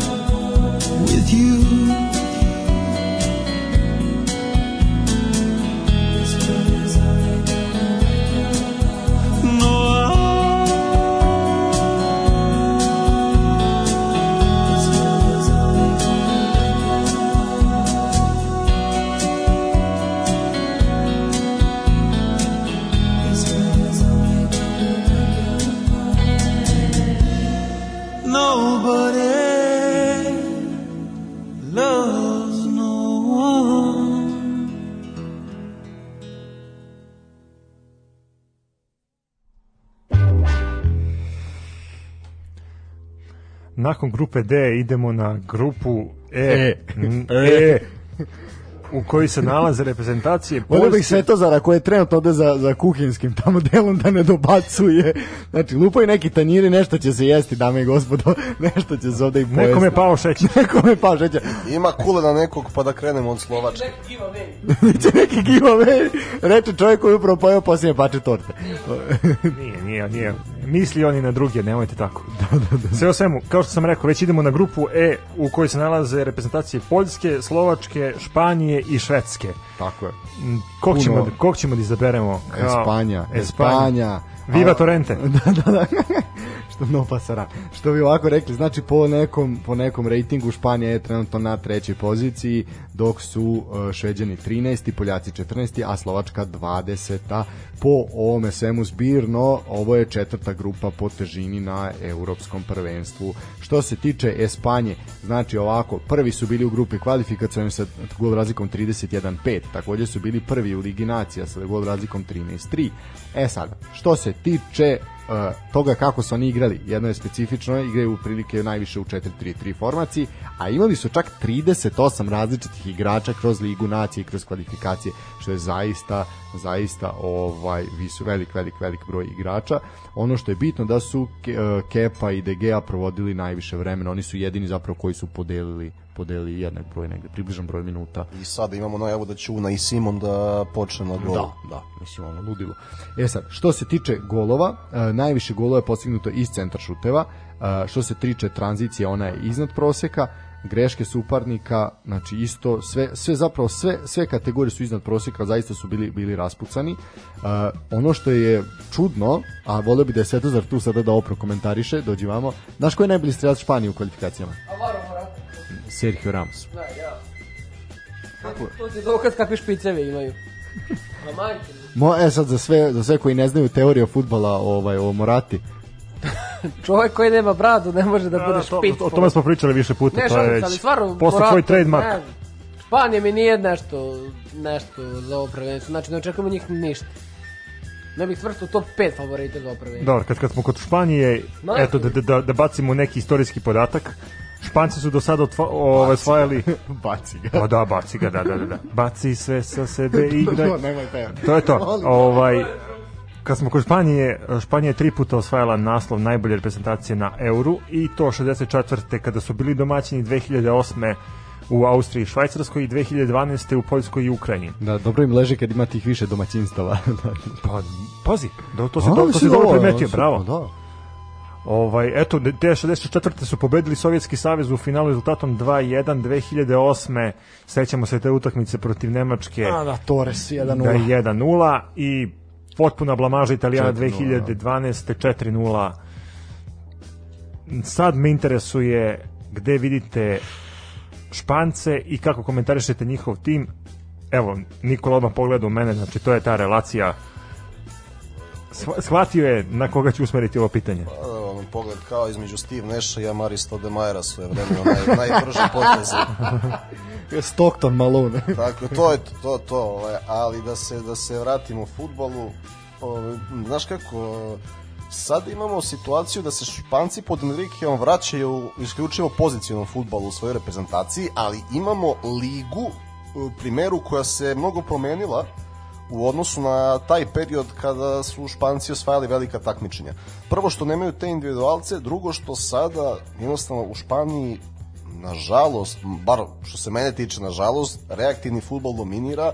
Iz nekog razloga je Čolo postao idol španskih trenera, sve više ekipa imamo koje se brane u 4-4-2, ne žele posed, žele tranziciju, žele da se čuvaju boks i onda, naravno da imate futbalere, iz te baze futbalera Luis Enrique E, zato je bilo toliko eksperimenata, zato 38 igrača, smena generacija, e, elitni futbaleri na zalasku ne mogu da isprate trkački, sa druge strane ne zna se ko, koje su prave opcije i koji momci mogu da ih naslede. E, vidimo da spomenuo sam to Una i Simon se najavio na goju, znači isključivo pozicioni futbal kroz posed, mislim da u knockout fazi e, neko će potpuno prepustiti loptu Španiji ako treba i do 70% vremena u grupi, tek da, da ne pričamo prvenstveno o Slovaciji, ovaj, to će biti igra mačke i miša.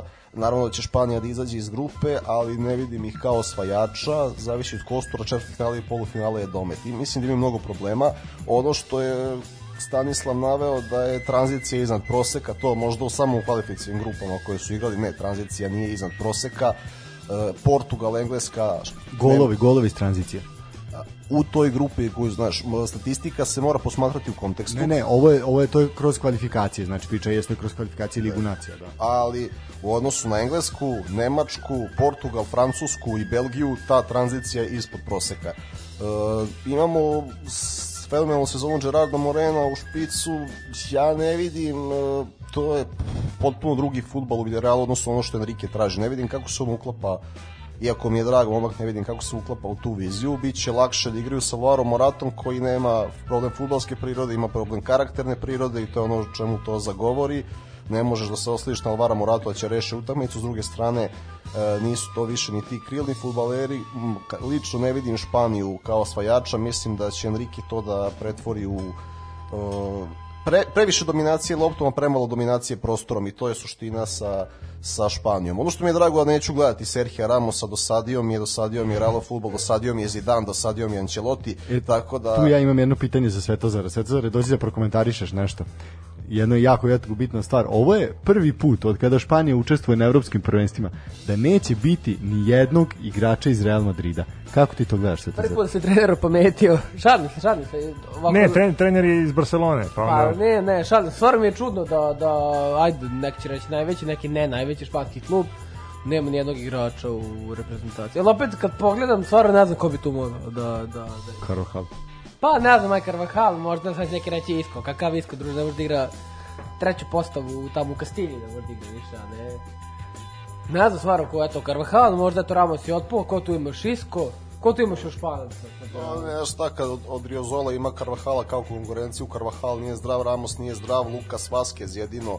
A dobro i da nije zdrav Ramos, mislim da mu je vreme više da završi sa. I da je zdrav i da nije, znači, da mu je vreme da... Ma, daj da se otarasimo tog najprecenjenijeg štopera svih vremena i da završimo. Ali, U, ovo su opet opasne teme. Ne, Da, slažem, teme, teške složio bi reči. se, ja bi se složio sa tim, ali ajde, ako nije tema neću, ali složio bi se. Ajmo malo još statistike. Ovako, što se tiče Španaca, ubedljivo su prvi po posedu lopte, znači na prvenstvu sa 66% poseda lopte. Prvi su po broju udaraca na gol, imaju čak otprilike 19 uh, udaraca i imaju 723 dodavanja u proseku prema utakmici. Tačnost dodavanja je 90,6%, tačnost dugih lopti je 75%, znači zaista, zaista onako jedna, jedna fantastična brojke. I zapravo pokazuje koliko dave loptu, više nego ništa drugo. Ne, mislim što se meni lično tiče, ja volao da ispadne u grupnoj fazi, kraj. ja zaista mislim da Enrique u svojoj sobi ima sliku svog saigrača i trenerskog uzora Guardiole.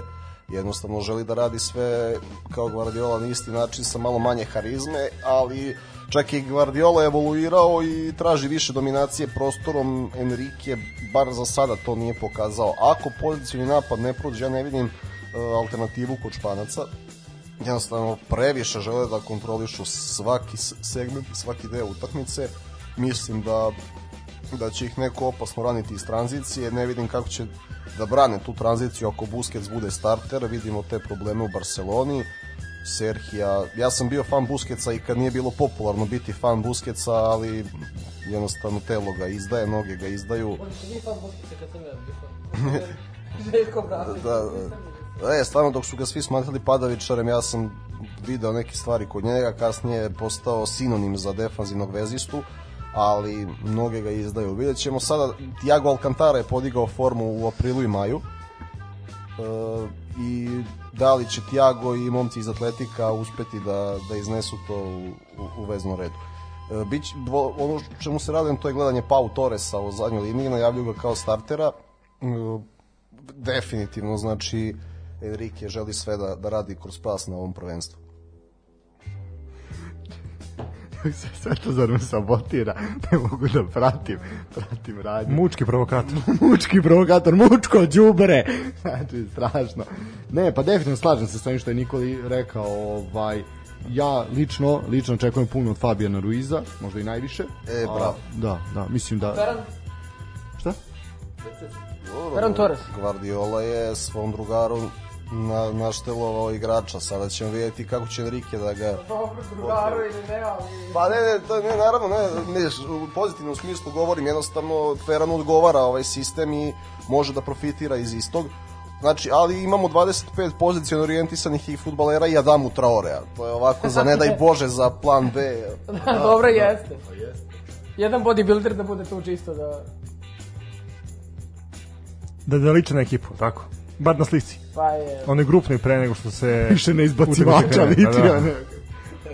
Ako ih neko bude dirao da uleti, znaš. Da, da, kao obezbeđenje. Securitas. Da se razumemo, da ne zvučimo podcenjivački prema, Security. da se ne zvučemo da ne zvučemo podcenjivački prema Španiji, sve su to i dalje uh, odlični fudbaleri, dobar deo elitnih, pre svih uh, Laport u defanzivi njega smo zaboravili, ali ne znam, jednostavno mislim da nisu dovoljno raznovrsni da bi da bi osvojili ovo takmičenje.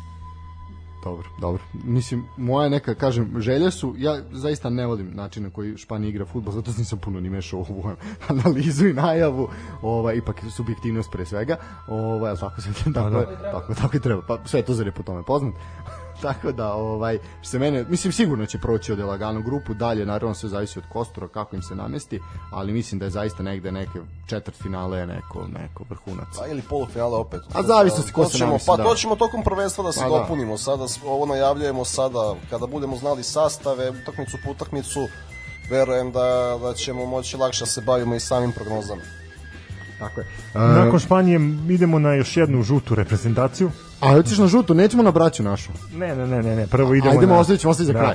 Dobro, idemo, idemo. na, na Šveđane, na, na A, to znam ja zašto si ti na šveđane. Švedski akcije, Pa, da. dobro, dobro. Što se tiče švedske, kaže, Meni oni su oni uvek bili simpatični. Ili simpatične. simpatične. Šta A, dobro, ništa, posle, tebi šta nisam- ti ništa, ajde, šta bi ti sad? A ništa, posebno bez Ibrahimovića ne mogu ništa da uradi. Nemoj, nemoj tu energiju i tu strast. Pa došli su do četvrt finala Ne. svetskog prvenstva bez Ibrahimovića. Ja ću ti reći, u, u, to u tim filmovima se ne prikazuje strast. Na taj način na koji ti misliš da se prikazuje. Ja ih ne volim, ja ih futbolski Uglavnom je lažno strašno. Da, da. Ja ih futbolski ne volim, tako da se nadam da neće proći ni grupu. Tako da... Bato, Sebastian Larsson igra futbal i dalje, o čemu pričamo? Ovaj, ništa, ajde malo ovaj, da se držimo koncepta emisije koliko je to moguće. Pored Svetozara... Markus Fer. ovaj, ajde, molim te, me nemoj metati. Strašno, neće više nikad sedeti pored mene u klupi, znači nastavniče ne mogu da se skoncentrišem na svoj domaći zadatak. Cinkarošu. Dobro, kaže ovako, prepisuje od mene, vidi šta radi. kaže ovako, drugi u grupi iza Španije su bili, znači, eto, bili su u kvalifikacijama. Jako puno ekipa koji su igrali zajedno u da. kvalifikacijama, da. Da li se potrefili su grejane kuglice, a? Pa od prilike, znači, ja ne. Pa treći, pa nismo i otišli. Fudbalski Potko- savez, fudbalski savez Srbije na aparatima, no, no, da. Ovo. E, to treba da implementiramo. Bravo, taj sistem. Grejanja kuglica. Pa u švedskim akcijama se greju kuglice, Pa, da, greju, zagrevaju se, da. A ladno, sta, ladno standard. Ladno, da, da. Ovako, znači, gol razlika je bilo 23-9. U Ligi nacija su bili četvrti, to smo već rekli tu grupu Francuska, Portugal i Hrvatska, gde su zbog jednog gola razlike ispali u niži rang takmičenja. Ovo je najstarija ekipa koja se kvalifikovala, znači po godinama koja se kvalifikovala na evropsko prvenstvo. Bez starca nema udarca. Tako je, a fali im najstariji, ovaj, onaj nosati starac. Uh, 80, Idemo sada. da, da, da, 80% što smo mi skandirali, ne mislim ne mi, nego ovi naš, naši, nisu to ni naši, ali pripadnici ovog Njihovi, istog, njihovi. njihovi, njihovi, pripadnici ovog istog naroda, nažalost, ovaj, koji su mu skandirali na stadionu Rajko Mitić. E sad, uh, 80% golova su postigli iz otvorene igre i centar šuteva, a u svim ostalim kategorijama su jedva dali po jedan gol u kvalifikacijama i u Ligi nacija. Što se tiče neke same igre, štoperi su glavne poluge održavanja poseda, veznjaci su uvek u dijagonalnoj postavci, što znači da pardon, kada jedan vezni priđe, drugi uvek ide dijagonalno malo dublje, lopta često ide na beka, na beka direktno, jednostavno igraju bek uglavnom bez oklevanja napada, dubinu centrira, krila stoje usko, a dvojica napadača takođe stoje dijagonalno, je od zavisnosti sa koje strane ide lopta. Postoji opcija da oba beka odu visoko, da se jedan vezni spusti među štopere i dalje na sličan način se onda distribuira lopta. Levi bek takođe često odigra u sredinu gde se otvara prostor za napadača da napadač uđe duboko u kazneni prostor. Uh, napadač dobija tu direktnu loptu da se spusti malo niže. U tom momentu dva ili tri igrača trče duboko ili kretnju među linija otvaraju prostor za pas. Jako su skočni, fizički jaki, dobri u vazdušnim duelima. Ofazivni prekid im je jako bitna stavka u napadu. I ono što je bitno da četiri igrača uvek čekaju odbijenu loptu nakon kornera. Znači to im je to je onako zaista zaista jedna bitna bitan faktor. Što se tiče odbrane 4-4-2 zonsko pokrivanje terena, mislim jedno od 50 reprezentacija, nego svi igre na isti način. Ovaj tako da što se toga tiče, napada, napadači su isto izuzetno aktivni u odbrani teraju suparnika na bok, jako agresivno. Mislim on sad sve sve priča se ponavlja, mislim svi rade na na zaista na sličan sličan način. Što se tiče još malo statistike, pa ću se ja opet malo skloniti od Popenko i Gutlje. Kaže ako šesti su po broju bloki, blokiranih udaraca, što znači da igraju srcem, što sve to zarvoli, a prvi po otklanjenim opasnostima, čak 23 ot, e, opasne situacije po utakmici uspeju da spasu. E, Dopuštaju više udaraca iz daljih, daljih zona, znači iz kaznenog se niko baš nije našutirao. Na onom prvenstvu na kome je naša reprezentacija trebala da ide i koja je zbog sankcija suspendovana 92. u Švedskoj, e, Šveđani su uspeli da stignu do polufinala. Danci su osvojili tu titulu i to je neka titula koja nas jako boli, znajući da smo mi u kvalifikacijama bili ispred Danske i da je Danska otišla mesto nas. Šta bi bilo kad bi bilo? Šta bi bilo kad bi bilo, ali sve u svemu to je i dalje najveći uspeh švedskog futbola na evropskim prvenstvima, to polufinale ovaj, na, na tom prvenstvu na kome su bili domaćini. E, Nikola, mene zanima kako ti vidiš švedski tim na ovom euru i kome treba pridati posebnu važnost kada su u pitanju švedski igrači. Šveđani imaju jednu dobru karakteristiku koju naša pomenuta reprezentacija nema. Oni zaista znaju da se skupe, da odigraju e, za nacionalni tim maksimalno i kod njih je glavna karakteristika da niko ne radi ono što ne zna. Znači, jedan od osnovnih postulata mikromanagementa, kako u sportu, tako i u drugim sferama života, ajmo da ne radimo ono što ne znamo. Mislim, to je, to je E, prvo... tu, tu se slažem sa tobom, zato i dovode ovaj, zidare, molere sa Balkana. Tako je. Ajmo da ne radimo... Ovaj, Ovo je dobro bilo. ajmo da... Dobar, dobar fazon. Zna Groksi da baci. Zna. Znaš da Roxy baca fazone ko nenormalno. Da, da, Stefan Todorović ne zgro. Nikola, nastavi, molim te, znači ne, ne bazari se na, na ove komentare. Stanislav je izneo jedno dobro zapažnje, to je da im krila stoje usko, brane se u 4-4-2, zato što je to jedino što i mogu da igraju za sve ostalo nemaju vremena da uigraju niti igračkog potencijala. Pitao si me od koga mnogo očekujem, pa naravno Dejan Kuluševski. Mislim, žao mi je što ne igra u tandemu sa Pandevim, što nije ostao veran Makedoniji, odlučio se za švedski pasoš, ali biće nadam se da će biti lepo gledati ga. Uh, uvek su tu prisutna očekivanja od Emila Forsberga, ali dečko nije, ne, nema kontinuitet. Kako u Leipzigu, tako, eto, onda je rešio utakmicu u Švajcarskom kada je trebalo, pokušava da, da bude lider, ali mu baš ide. Uh, neverovatno je da je Grankvist i dalje tu, e, ali dalje tu, znači iskusan tim, uh, Ola taj vunen. da, nema ga, sva sreća. Ne, ali Larson, čovjek i koliko to Larson na godinu? 40. e, koliko, zvanično 36 sad, ne Da, znam. ako niko Kanga menjao, da, da, da. Pa je Kaniga, znaš.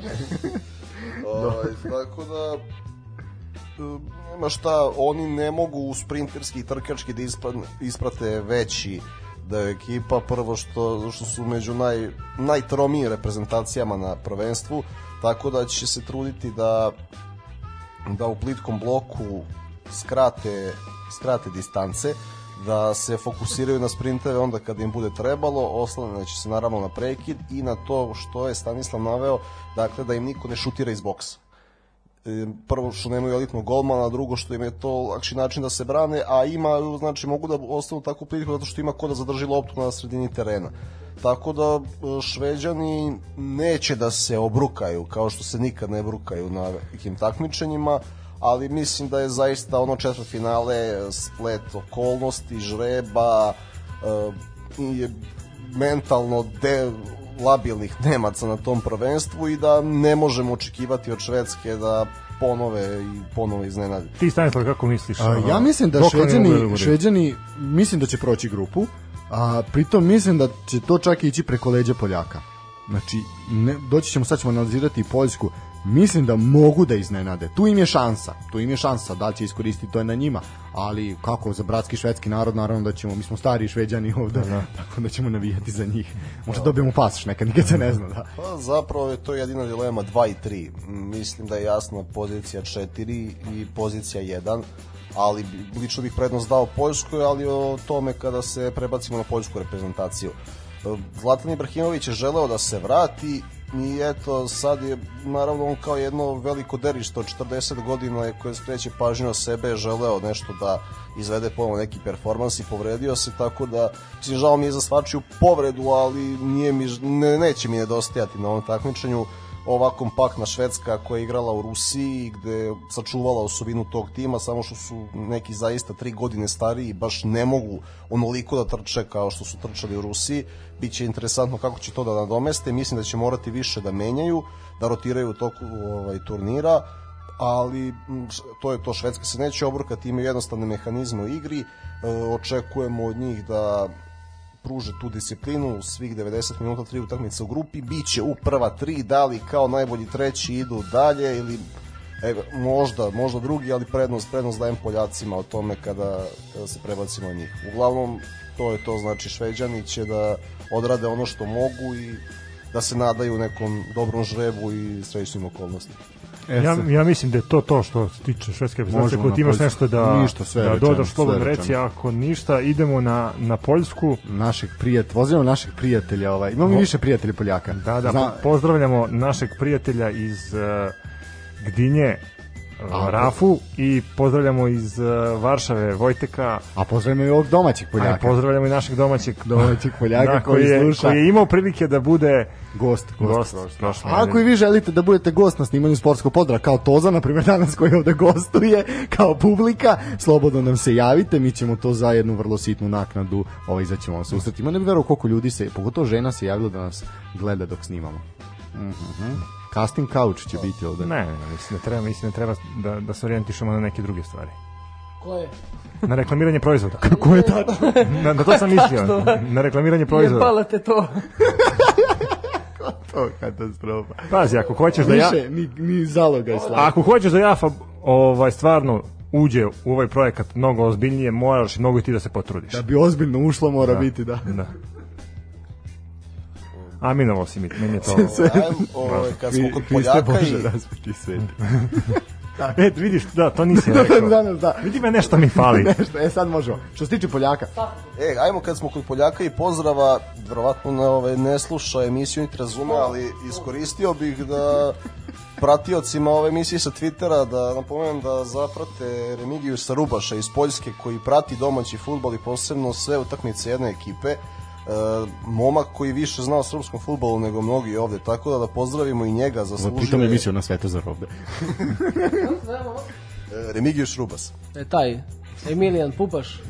Ako to nije lažni nalog Svetozara Ilića, Sve je moguće, sve je pozdravljamo moguće. Je moguće. Ne, me- mene samo zanima ovaj, šta je njega privuklo da, da, da prati naš futbol. Pa šta nas privlači da gledamo domaći futbol? Ajde, Zato da- što smo odavde, prvo zato što smo odavde i drugo zato što nemamo bolje Šta da je gledamo. privuklo Lauru Silu? To ne možeš da definišeš, ne, nešto te privuče, neka utakmica, jednom dođeš, pojaviš se ili vidiš... Komplet lepinje. Evo odmah, je proradio odmah na ove provokacije. Pazi, Lauru Silva je možda privuk, privukao Vladimir Stojković, ali ajde, to ćemo nekom drugom prilikom, što Jer on ima problema sa vidom onda, šta se dešava, čemu je? Ili ona. Pa nisam mislio? Da, on, Stojković je branio u Sportingu iz Lisabona i ja mislim da, tu jeste. veže A misliš da je to, a? Ajde, dobro. Što se tiče Poljaka, Pa dobro, Ivica i Marko Jovanović su možda... do... I Pa i, i Purović, je tako? Purović je bio u Sportingu.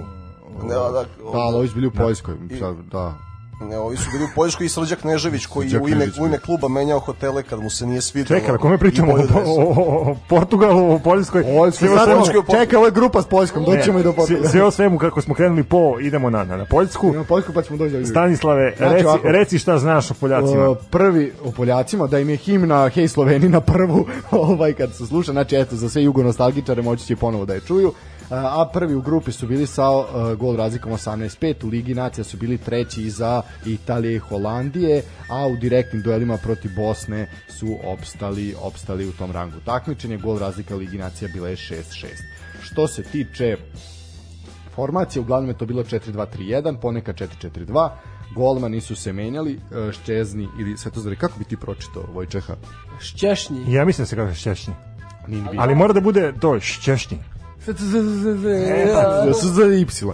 E, taj E, upravo. za, zato ti nisi video šveđanke, a ja jesam. Iako pričamo o poljskoj reprezentaciji. To ne pričamo, to ne pričamo. Pa ti vidi. Pa ti vidi. Ovaj šest utakmica je čovjek odbranio, a Fabijanski je branio na četiri.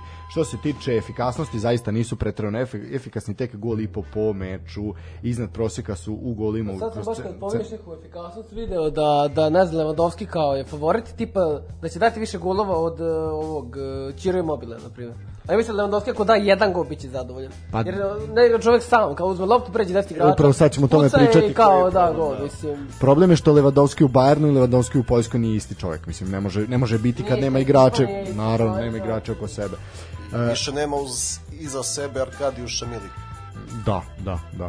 Uh, što se tiče, znači, oni su uh, menjali, menjali selektora i uh, sad je tu upitno da li će oni igrati kao što su igrali u kvalifikacijama, će vjerojatno će se nešto menjati, pretpostavlja se da će igrati sa tri pozadi, e sad najveći problem je što oni ne nalaze rešenja za prelazak lopte iz uh, svog polja u protivničko i većina napada se završava dugim loptima i ispucavanjem.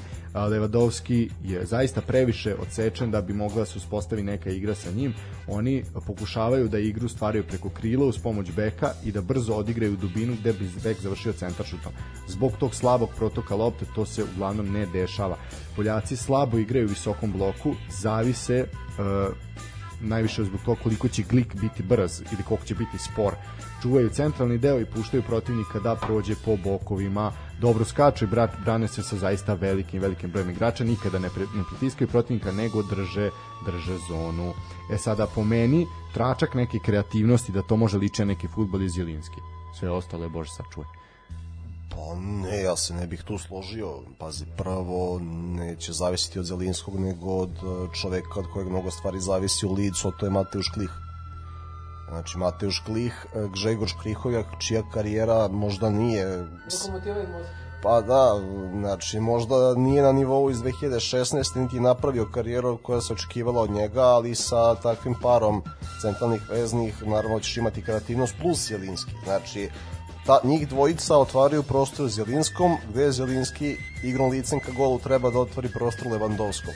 Imaće zahtevniju ulogu zato što Arkadijuš Milik nije tu, ceo život se muči sa povredama, nažalost, radi se o fenomenalnom futbaleru koji je uvek tu uz drugog plana uz Lewandowskog. U suštini, Poljaci su ranije e, bar na prethodnom evropskom prvenstvu igrali tako znači da je Leva navračio odbranu na sebe i otvarao prostor za Milika. E, Leva nije dao gol tek, tek do četvrt finala sa Portugalom se proslavio ali dobro je kod njega što nema problem sa tim. E sada što se tiče Poljske, oni igraju veoma direktno uh, agresivno, da li će, e sad to je pitanje šta li će, koliko toga će Paulo Sos da menja u odnosu na navalku, E, šta će ta, kada dođe turnir, znamo kako portugalski treneri razmišljaju. Uh, ono je zaista bilo lepo gledati, meni je onda žao što što nisu izbacili Portugal. E, mislim da su da su mogli ovaj da pruže dosta i protiv Elsa i u samom finalu. E, Zenit i neki hajp oko te generacije jeste bio 2016. godine, ali još uvek je ostalo dovoljno kvaliteta. E, što se tiče ključni problem je što Kamil Glik više nije onaj Glik iz Monaka. To je to što sam ti rekao, puno zavisi od toga. Da. sjajno zapažanje i na osnovu njega oni baziraju gde će da stoji linija odbrane. Kako bi, jer opet e, Glik je, nije samo futbalski važan, jednostavno on je lider defanzive, glasan, ceo život, utiče na sve igrače, ali e, naravno noge izdaju tako da na osnovu toga biraju gde će stoji linija odbrane, na osnovu toga se pozicioniraju i orijentišu prema svemu. Meni su Poljaci u ovoj grupi poprilično, pa da kažem, reprezentacija koja može mnogima da pomrsi konce, ali nešto iskren da budem ne očekujem od njih neki veliki rezultat. E, oni su najveći uspeh u svojoj istoriji ostvarili na, na prošlom evropskom prvenstvu u Francuskoj kada su stigli u četvrt finala. Da, to im je Ovde, ako prođu grupu, neka budu i više nego zadovoljni. Apsolutno. E, ono što je bitno reći, na primjer, Levadovski jeste, ajde, najbliži situacija to stoji, ali on, na primjer, ni protiv, to je ono sad sindrom Lazara Markovića, protiv nijednoj velikoj utakmici on nije dao gol.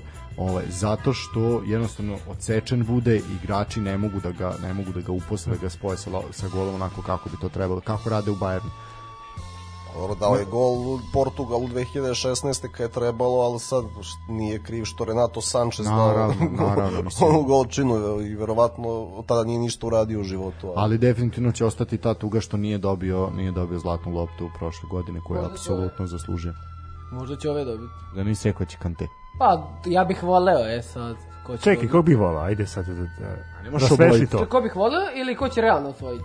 Ko će realno osvojiti, a koga bi ti volao da... Pa da. Lewandowski realno, a Kante bih ja voleo. nerealno Pa da. pa mislim da će Euro zapravo i uticati na zlatnu loptu. Mm, prilično je neizvesno, pošto, pošto Messi i Ronaldo nisu više to što jesu i onda sad mnogo više opcija imamo za zlatnu loptu, tako da će verovatno Euro odneti prevagu kod, kod nekog. Ja se slažem sa, Nikolom. Apsolutno, da. Mislim, i, igra se do, dok Sudija ne- ekipa, ekipa ne kaže ko je prvi i to je to. Ali je par, paradoks, Da, naj, naj, ekipa, ali ekipa, da. najbolji, Kim Former ne kaže ko je prvi najbolji futbaler što se mene tiče u klubskom futbolu prošle godine je zaista bio Harry Kane. Ja, ja ne mogu stvarno da verujem šta- su oni u Tottenhamu radili da, da su bili tek sedmi. Sa njim takvim. Slovakija oče i majku Slovačko E, idemo na, na, na slovačku reprezentaciju, reprezentacija Igra, igre, igre. molim bez dobacivanja publike E, kad smo kod Slovačke, poprilično simpatična reprezentacija. ekipica da pa nama uvek nama uvek simpatična ovaj mi Na, volimo naš prijat- prijateljski narod. E, aj, e sad, sad, sad, zašto ti nisu simpatični? Ne znam, ne igraju mi neki interesantan futbol, nešto ne pretenduju za neko mesto, za neki... Okay, a ljudi koji se šišaju kao hamšik? E, samo oni. I A oni čekaj, ti kao Pa, igraš interesantan futbal. Šta, šta, šta, šta? A ti kao igraš interesantan futbal. Naravno. A, da za one koji ne znaju, Svetozar. Svetozar igra kao Petar Škuletić. Znači, zabije glavu u patos i u ori. To nije interesantno. ja, Ne. ja kad sam dolazio na futbol bio je Milan Radin. O, pa što je još gore. Da, da. da, da, da. Što se tiče Slovaka, znači oni su bili treći u svojoj kvalifikacionoj grupi iza Hrvatske i Velsa, a ispred Mađarske. Gol razlika je bila 13-11 u Ligi nacija su bili iza Češke, Škotske i Izraela. E, što se tiče e, gol razlika je bila 5-10, znači negativna. E što se tiče neke postavke koje oni igraju, oni igraju najviše u 4-3-3 formaciji i čak šest igrača iz te iz postave su odigrali sve utakmice u Ligi nacija i u kvalifikacijama. Uh, Dubravka je odigrao sve utakmice nezamenljive na golu, tu je i Hamšik, to su uglavnom jel, oni koji su koji su zaista škrinjari. Oni su imali uh, isti sličan, mislim, sličan put kao i reprezentacija Škotske. da, da, Ovaj, da se izrazimo žargonski, izduvali su ga u kvalifikacijama, pošteno. da, ali su zato putem baraža u Ligi nacija uspeli da obezbede sebi mesto na euru. Ono što mi nismo. I to ćemo ponavljati ovih mesec dana. E sad, što se tiče golova, izvan 16 metara su najefikasniji, znači imaju 7 od 18 postignutih golova. Golovi iz tranzicije su u proseku, a otvorena igra i centar šut, znači iz tih segmenta igre došlo, eventualno je pao po jedan ili dva gola. Ono što su neke uh, konekcije kojem teče napad su uglavnom sve počinje Škrinjara, znači on je najbitniji tu. Znači Škrinjar, Lobotka, Hamšik, to je jedna linija napada, a po drugoj strani su znači Pekarik, Kucka i Mak ili sad zavisno se ko bude igrao tu umesto njega. Uh, znači kaže imamo uh, uz te saradnje znači sa jedne i sa druge strane imamo i dva dodatna uh, vezna te malo malo leva strana dominantnija znači ta dodatna dva vezna će prići levoj strani.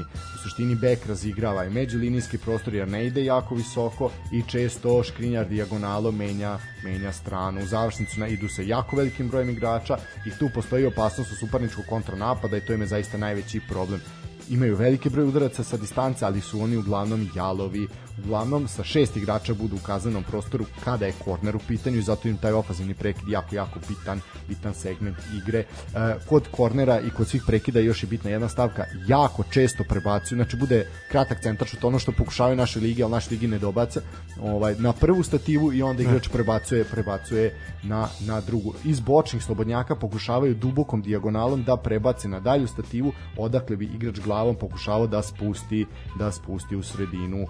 Brane se zonski 4-1, 4-1, pokrivaju teren i jako zaista nisko se brane, štoperi nemaju tendenciju iskakanja i praćenja igrača u međuprostoru, jer nemaju brzinu i snagu za to, dok veznjaci to rade i uglavnom Lobotka ostane sam u tom međuprostoru da tu, da tu najviše pazi. Jako puno ulaze u kazneni, jako nisko se spuštaju i prostor za odbijene lopte je potpuno prepušten protivniku. E, pričekli smo, ćemo pričati o Dubravki i to je jako bitno. Ja hoću prvo da kažem vezano za njihovog selektora, uh -huh. Štefana Tarkovića, koji u poljskoj reprezentaciji od 2003. godine, on je bio asistent do 2008. godine kada je promovisan u prvog trenera sistem. Da, jednostavno imaju Slovaci neki sistem koji, eto... Svi osim nas imaju a, sistem. da, daje neki rezultat, eto, odvoji ih je na, na euro, Poduro, ali nisu već učesnici bili redovne su, bili su, da, bili su pro, prošle, na prošlom evropskom prvenstvu A su bili isto ispali u, u 16. finala bili su i na svetskom, eto, tako da imaju neki sistem koji bi možda mi mogli da primenimo, opet kad kažem možda, to je veliki znak pitanja, pošto nas muče neke druge stvari, ali uh, sada smo kod Slovaka i hoćemo da čujemo za Dubravku, Za samo Dubravku, da, kažem, da, da. Dubravka najbolji golman kvalifikacija, ubedljivo. Znači čovjek ima pet direktnih odbrana. pa kad a, Milan Borja ne može da brani. A kad Milan Borja je uzeo kanadsko džanstvo, draži ti je Javorov list Milane nego naš orao, ali nema veze. Ili onaj drugi makar orao igra, ali ovaj, ili ne igra šah ili isto, da, mislim, ono nema, sve u svemu. E, Škrinjar zaista ima veliku ulogu u fazi i odbrane i napada, definitivno lider i prva zvezda reprezentacije Mare Hamšik, tu nema nema ovaj govora, Pekarik je takođe jedan od vođa na terenu i bitan je za to neko dijagonalno kretanje i skretanje igre. To je negde moj neki, moje neko zapažanje, sad Nikola ti možeš preuzeti. Preuzmi palicu. Da se ja pitam, onda bih smo prešli na F grupu, zaista, što, meni lično najdosadnija reprezentacija na, na turniru. Ovaj, Mnogo je i Makedonija je zanimljiva Slovačke. Slovačka je... Jeste, ali što je zapravo je tako, A da. Slovačka je toliko bazična, toliko 4-2-3-1 i jednostavno ono baš gledam ih samo kad moram. E, nemaju kompleksne mehanizme u igri.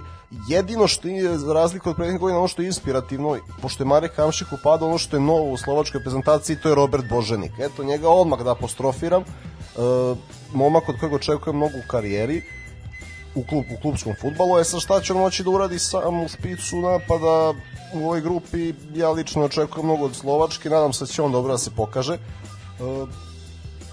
jednostavno ne vidim mislim da je ovaj sam plasman veliki uspeh za ovu generaciju Slovačke sa Vajsom i Hamšikom u četvrtoj deceniji života zaista i Kuckom naravno tako da oni će pokušati da stanu iza lopte verovatno u sve tri utakmice, da se brane u 4-5-1, da omoguće Dubravki da lako skida lopte i da iz tranzicije prekida ugroze protivnika. Možemo sada da idemo neke detalje, ali mislim da Slovačka što se mene tiče to ne zaslužuje. Ja bih se prebacio na Od detalja idemo na grupu. grupu F. Što se tiče ja detalja, da idemo na grupu Ali F. eto, da apostrofiramo Boženika od kojeg očekuje mnogo, pa da vidimo šta će da uradi turniru. Ja isto mislim da smo ovim tvojim komentarisanjem Slovaka završili sa ovom grupom E. Idemo na kraću muzičku pauzu.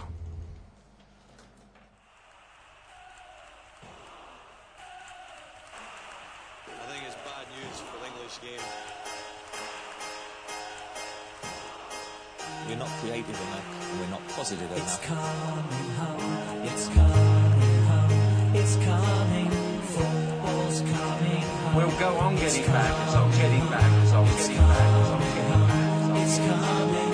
Football's coming home. It's coming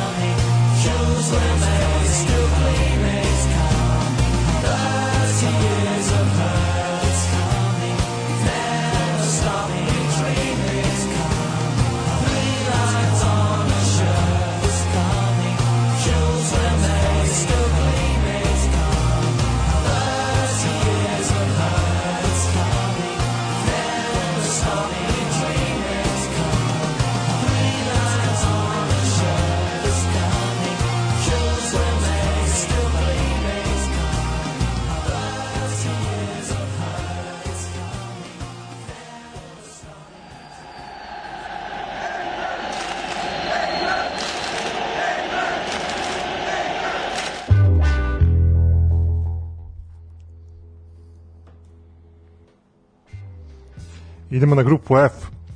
Grupu u kojoj se nalaze reprezentacije Francuske, Nemačke, Mađarske i Portugala. Da, to je grupa, Grupa smrti. Grupa smrti, grupa smrdi. Ovaj ovako što se tiče Čekaj, smrdi ili smrti? a jedno i drugo. ovaj e, što se tiče toga, znači Francuska je jedan od favorita za osvajanje prvenstva i ima istu kvotu po kladionicama kao i Engleska. E sad što se tiče ostalih, Nemačka je po nekim predikcijama tačnije po, nije to po predikcijama, to je po tom koeficijentu, rejtingu i tako dalje i tako dalje. Osma reprezentacija na prvenstvu, Portugal četvrta, Francuska smo rekli druga, a Mađarska 22. E, ovako, Ko ćemo prvu reprezentaciju? Njemačku, brate, pa zna se gde su najviše naših. da, a ove naše naturalizovane naše ćemo ostaviti za kraj. Pozdrav za dijasporu. Možda za dijasporu, da. Ša, šaljite nešto, mogli bi stvarno, mogli bi da udarite nešto i, i, i nama. Pa da. Stanislave, reci, Zna se, znači, uh, Paypal, hu- humanitarni SMS, Patreon, uh, uplate preko računa, znači dinarskog, to sve imate na našim Facebook, Instagram, Twitter stranicama. Ako neko ima neki dinar viška, sada je opet 10. mesec, dok nisu računi stigli, dok ono sad još malo dok ne počnete lupati tikete ovaj, na evropsko prvenstvo, malo odvojite neki dinar za nas. Verujte, bolje da date nama da to zapojede i popije nego da nego da izgubite u kladionici. E sad, dok mi, dok mi ovo pričamo, počinje prvi meč evropskog prvenstva, znači eto mi, kakva smo ekskluziva čoveče, onaj ko nema SBB neka nas sluša, mi ćemo govoriti šta se dešava na utakmici. između šta se i dešava? A, trenutno su intonirane himne u jako čeka, lepim... to znači da mi sad treba da ustanemo. A, pa prošle su himne, gotovo. A, prošle? O, da, e, može se reći da su trenerke u kojima su izašli Turci izuzetno socijalne, reklo bi se kao sa buvljaka, ovaj turskog, ovaj da, a e, Hugo Boss lepa lepa odela, ovaj o, Italijani, vidi se da su šmekeri, nema šta Roberto Čekaj, Mancini, uzeli su, uzeli su Hugo Boss, Pa a ne a ne Giorgio, i to. pa e, biga, mislim imaju imali istoriju sa Hugo Boss uniformama, pa Da, da, da, da, da, odlično A, zapaženo. pa ne, sve je tu u redu. Znači, malo ćemo, tu sve to da će pratiti malo dešavanja na, na toj utakmici, a mi ajmo na Njemačku. Kažu, ako oni su bili prvi u svojoj kvalifikacijnoj grupi sa gol razlikom 37, a u Ligi nacija su bili iza Španije. Imali su negativnu gol razliku 10-13, a to najviše zbog onog poraza 6-0 od Španije koji se desio pri kraju Lige nacija. Što se tiče postave, oni igraju 4-2-3-1 i oni su najubojitija reprezentacija iz tranzicije. Čak 17 golova postigli iz otvorene igre, a 2,9 golova i prosek dati po utakmici. Jako malo golova postižu iz centra šuteva i grešaka suparnika. E sad, što se tiče neke igre, pričali smo o tome kad smo, kad smo ovaj, pričali o Španiji, znači Nemci su uglavnom uh, i tako su i došli do naslova svetskog prvaka 2014. godine tako što su kopirali igru Bayerna. Španija godinama je kopirala Barcelonu i zapravo može se reći da su kroz tu Barceloninu igru osvojili ta dva evropska prvenstva, istina. Ova, e sad ove godine će biti to malo malo teže, ovo sve tu zove šta ti je. Da, da, da, on se tri puta kinuo. A to je zato što navija za Tursku. Najez Italije je bila bi. Da, ovaj Bayern igra zaista mnogo direktnija, a snaga nemačke reprezentacije se odlikuje u posedu. Oni su četvrta reprezentacija po posedu na evropskom prvenstvu sa 67%. E sad Neuer i Hummel su ključni za otvaranje napada kao i Toni Kroos. E, ono što je njihov problem po meni, a to je da su jako spori u posedu i jako guše protivnika. Ponašaju se kao jedna velika zmija koja te, koja te obmotava, znači i koja ti ne da da dišeš, tera tebe na da ti njih napadneš kako bi napravio grešku koju će on iskoristiti. E sad, ako to ne funkcioniše i ako nedovoljno brzo prenose loptu, nastaje problem kao upravo protiv Španije tog poraza od 6-0, pa kao i na primjer protiv Makedonci, pr protiv Makedonije. E to je ono što je po meni po meni problem. Problem je kad se izgubi lo, lopta jer onda ostane e, jako veliki brisan prostor koji je teško teško pokriti jer im fali fali brzina. To ono što je Nikola rekao u prošloj epizodi, ako imaš 30 metara ispred sebe onda je to problem. E sad, Ja sam samo citirao velikog Johana Krojfa. Tako je. E sad, što se e, tiče, to je neki ukratko, ukratko moje viđenje Nemačke, tiče svako se dopuniti, a onda ću ti, nakon što daš svoju, hoću ti postaviti jedno pitanje, ali prvo daj svoje Evo, ako hoću ja prvo da kažem nešto između vas. Ovaj, vezano Što za... je jako teško, ali ne Pa jeste, moram da priznam da jeste. Dobro ste se spremili obojica, e, posjedujete sportsko znanje, znate o čemu pričate, pratite futbol na jedan drugačiji način nego što prati većina sportskih novinara i komentatora, tako da, a pritom ste obojica e, dobri govornici, tako da je meni jako teško... Živeo govornik. E, tako da je meni jako teško da vam uzmem reč i da ja dođem do, do, do reči. Pa ću tako biti, eto, ljubazan da vam ispričam nešto vezano za nemačku reprezentaciju i njihovo učešće na evropskom prvenstvu. Na ime Nemci su prvu titulu uzeli 72. kada su pobedili u finalu Sovjetski savez 3-0. To evropsko prvenstvo igrano je u Belgiji. Uh, oni su na narednom evropskom prvenstvu 76. koji igrano u Jugoslaviji izgubili na penalima od uh, reprezentacije Čehoslovačke, ali uh, to su nadomestili time što su im se kasnije revanširali 96. kada su na evropskom prvenstvu u Engleskoj uzeli titulu i dobili Čehe sa 2-1. A, pritom uh, osvojili su još jednu titulu 80. u Italiji kada su pobedili Belgiju 2-1.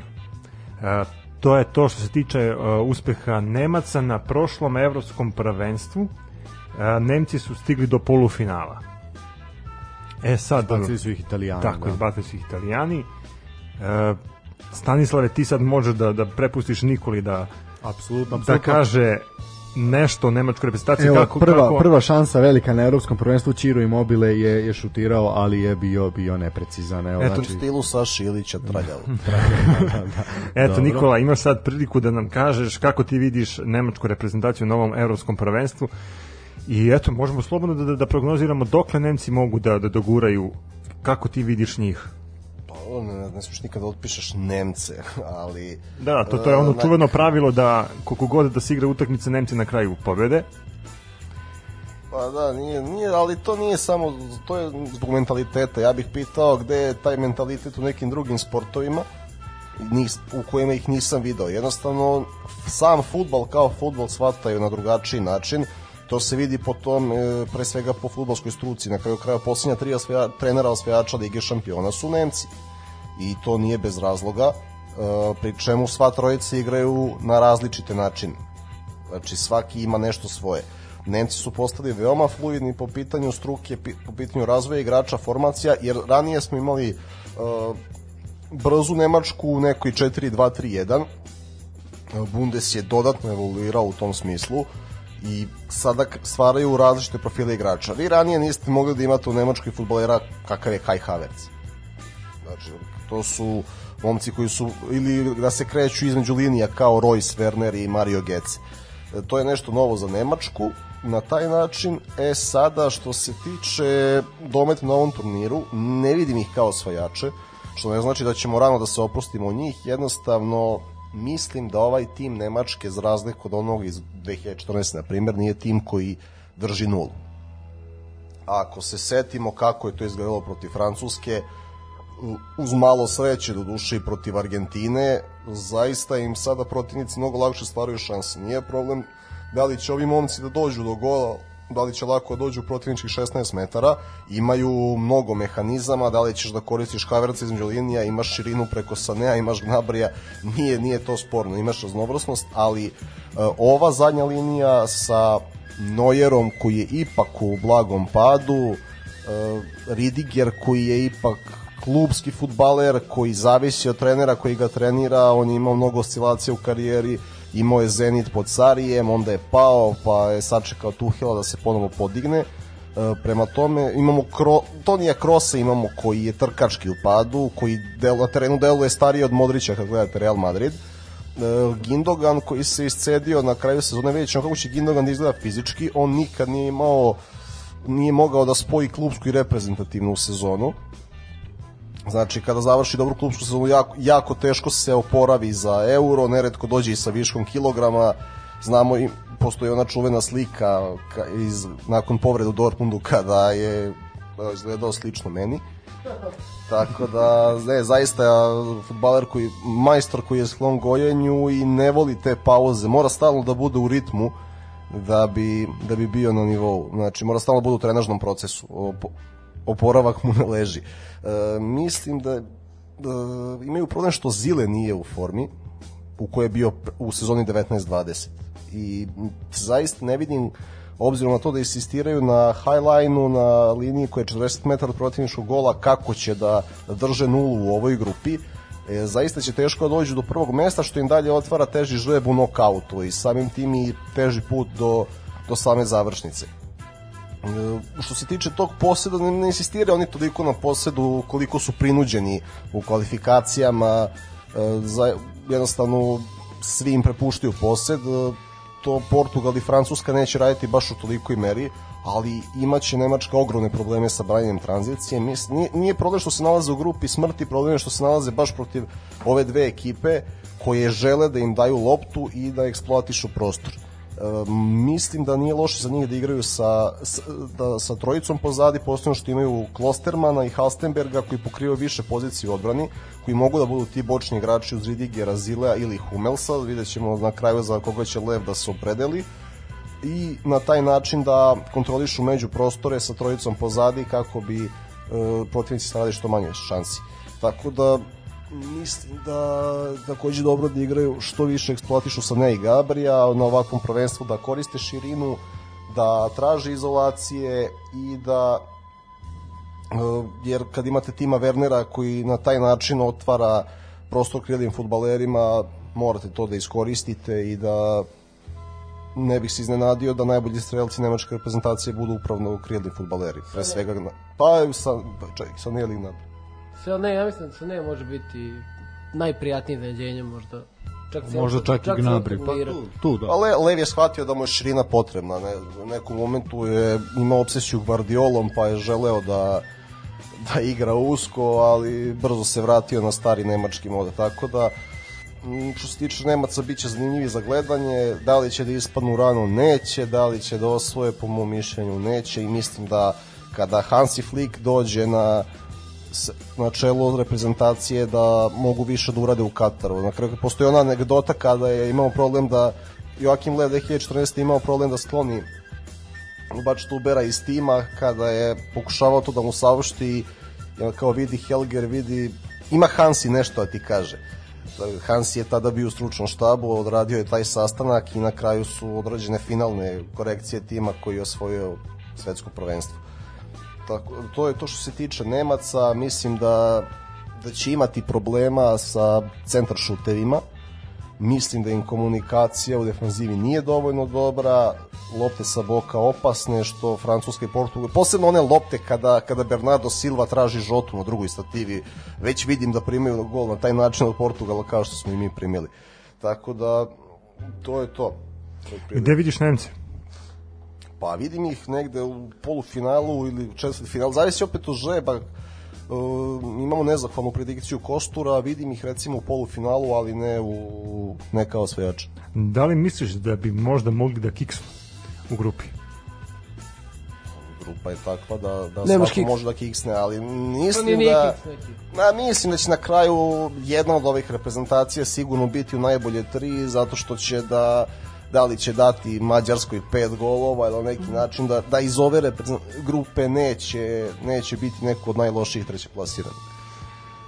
Stanislave, ti imaš nešto da dodaš Ima je neko pitanje Nemce? za mene, ali Pa ne, u suštini ovaj, sve si rekao, što se tiče predikcije negde dokle oni mogu, mislim da je realno očekivati ih u polufinalu. Ja isto mislim da bi čak Polufinale. možda čak... finalu, za, ali opet ajde, ja bih ostavio to da napravimo neku emisiju kada budemo znali Kostur. Da, znači, Pa da. I onda uradimo predikciju Kostura i pukovnici ili pokojnici. E Tako je. sad imao si, imao si neko pitanje to. Ja Da, ne da, znam ja sam zašto, mislim da ja ne znam zašto, ali ja stvarno Nemce vidim daleko.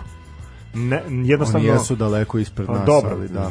E, Pitanje. Čekaj, zar mi nismo ekonomski tigari? A jesmo ali na Balkanu, oni nisu na A. Balkanu, je ga, to je razlika. A, pitanje. Zašto tvoje mišljenje i viđenje situacije oko Borna Sose, znaš da hoće da ga naturalizuju, Da, znam. ovaj, šta on može njima da donese što oni nemaju? To, Mislim, oni nemaju beka, to je, to je prva stvar. Ovaj, nakon, može- nakon što je Filip Lam otišao u penziju, nemaju beka.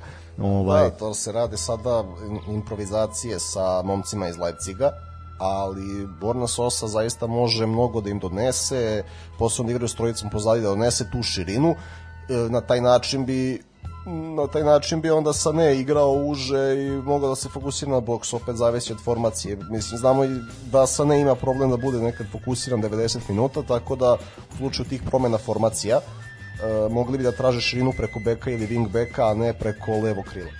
Da. E, mislim, problem je zašto bekovi njihovi ne dolaze do izražaja je upravo ono što sam ja rekao, to je spora tranzicija, jako sporo oni igraju, jako sporo se kreira napad. Ti onda... Ali grešiš, grešiš tu. Samo, gledao si utakmice kvalifikacija, kada im stane, ne znam, po, protivnik poput Severne Irske, nemaju oni šta drugo da igraju, oni će veoma brzo kreiraju napad, njima nije problem ta vrsta tranzicije, njima je problem tranzicija negativna tranzicija, defanzivna, znači iz ofanzive u defanzivu će biti problem zato što. Kroos i Gindogan nisu ljudi koji želiš da imaš na terenu zajedno u tom segmentu protiv uh, Kantea i društva. Tako je, gde moraš da pokriješ veliki veliki prostor. E sad, ono što je što sam ja primetio, a to je znači Mbappéa i Kantea. i Da, da, društva. naravno.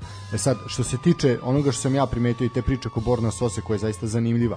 Znači, oni prvo uh, jako sporo ta dok ta lopta dođe do beka. I on čovjek ne može tada da odigra. On može da vrati nazad, znači ono što ko što naši vraćaju golmanu, znači može da vrati nazad ili može eventualno da pokuša neki dribling ili nešto, ali to se uglavnom ne završi kako dobro jer nema kvaliteta. Da, šta će njima Borna Sosa doneti, da li će im nešto doneti, to je sad pitanje ali za sada nije tu, a o tom potom dalje šta i kako vidjet ćemo. Mislim da možemo, mislim da možemo Pazi, polako to su na... samo evo jedna rečenica, Da. to su ta previranja Jakima Leva između gvardiolizma i tradicionalnog nemačkog futbala, a uvek e, njemu je vidi se, znači 2014 se videlo kada je igrao sa Lamom u veznom redu kada je počeo turnir, da mu je zaista Guardiola uzor i, i obsesija. Međutim, kada je vratio Lama na beka, vratio Špajnija u sredinu, onda je onda je to bilo to u knockout fazi. Tako da on stalo nešto Kobajagi pokušava da menja, ali u suštini najjednostavniji mehanizam u reprezentaciji je najbolji, posebno Nemačkoj. A, koliko god su oni evoluirali, bar kada su ovakva reaktivna takmična u pitanju, direktan futbol je najbolji za njih, što manje budu filozofirali, dalje će dogurati. Ja mislim da je to to što Da, možemo ići na idemo aktualno svetsko prvaka, da. Tako, idemo na Francuze. Idemo, idemo na Francuze, sad to zar izvini, morat ću da malo sad sabotiram. Znači ovako, Francuska je bila prva u grupi sa gol razlikom 25 naprema 6. Turska ih je jedina jedina namučila u toj u toj ovaj njihovoj grupi. U Ligi nacija bili su prvi ispred Portugala, Hrvatske i Švedske sa gol razlikom 12-5. Uglavnom su igrali u formaciji 4-4-2. Efikasni su, znači zaista imali su 2,3 gola po utakmici, a jedan gol po utakmici tačno pada iz centar šuteva, iz otvorene igre, iznad prosjeka kao iz tranzicije, dok im golovi van 16 metara iz greške protivnika zaista se jako, jako redko, redko dešavaju. Kada smo kod francuske reprezentacije i njihove istorije učešća na Euru, najbolji plasman je ostvaren 84. na Evropskom prvenstvu gde su oni bili domaćini. Oni su tu uzeli titulu tako što su pobedili Špance u finalu 2-0. A koliko su dobri kao domaćini, to se pokazalo i 98. kada su uzeli svetsku titulu. Ta generacija 98. koju svi pamtimo dobro, je uspela i da ponovi rezultat te generacije 2000. Da. iz 84. kada su 2000. Ovaj, u Holandiji i Belgiji ponovo uzeli naslov evropskog prvaka i to se sećamo one a, drame u finalu sa Italijanima gde su Italijani do 90 i nekog vodili 1-0 da bi Silvan, da prvo Trezeguet o- odnosno prvo Silvan Viltor, da. pa onda a, Trezeguet u nadoknadi vremena, odnosno zlatnim golom, da, Ali doveo... vidiš kako si to to lepo rekao. A se sećaš 2006. u finalu ko je promašio penal u penal seriji? Trezeguet. Da. E, to, to sam pitao Nikolu malo pre, da li se karma vraća?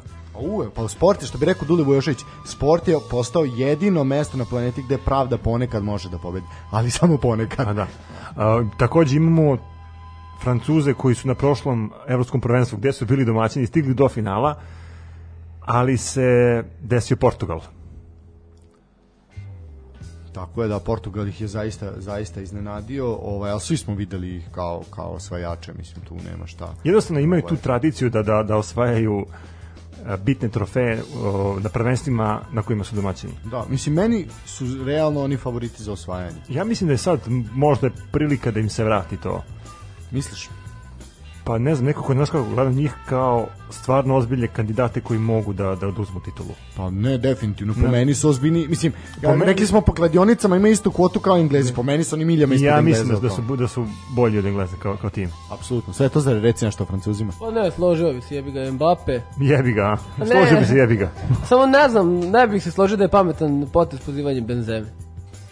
Zašto? Pa zbog atmosfere i zbog svega. Nije bio tu ko zna koliko ciklusa i kvalifikacija i sad odjednom kao... I on je poznat kao neko ko podiže atmosferu sa ženama lakih mora- Pa, morala. Znaš tako, sad da ne podigne neče drugu ženu, ali šalim se, ali... Ne znam, ja ga ne bih pozivao. Okej, kao igrač je stvarao špic i po.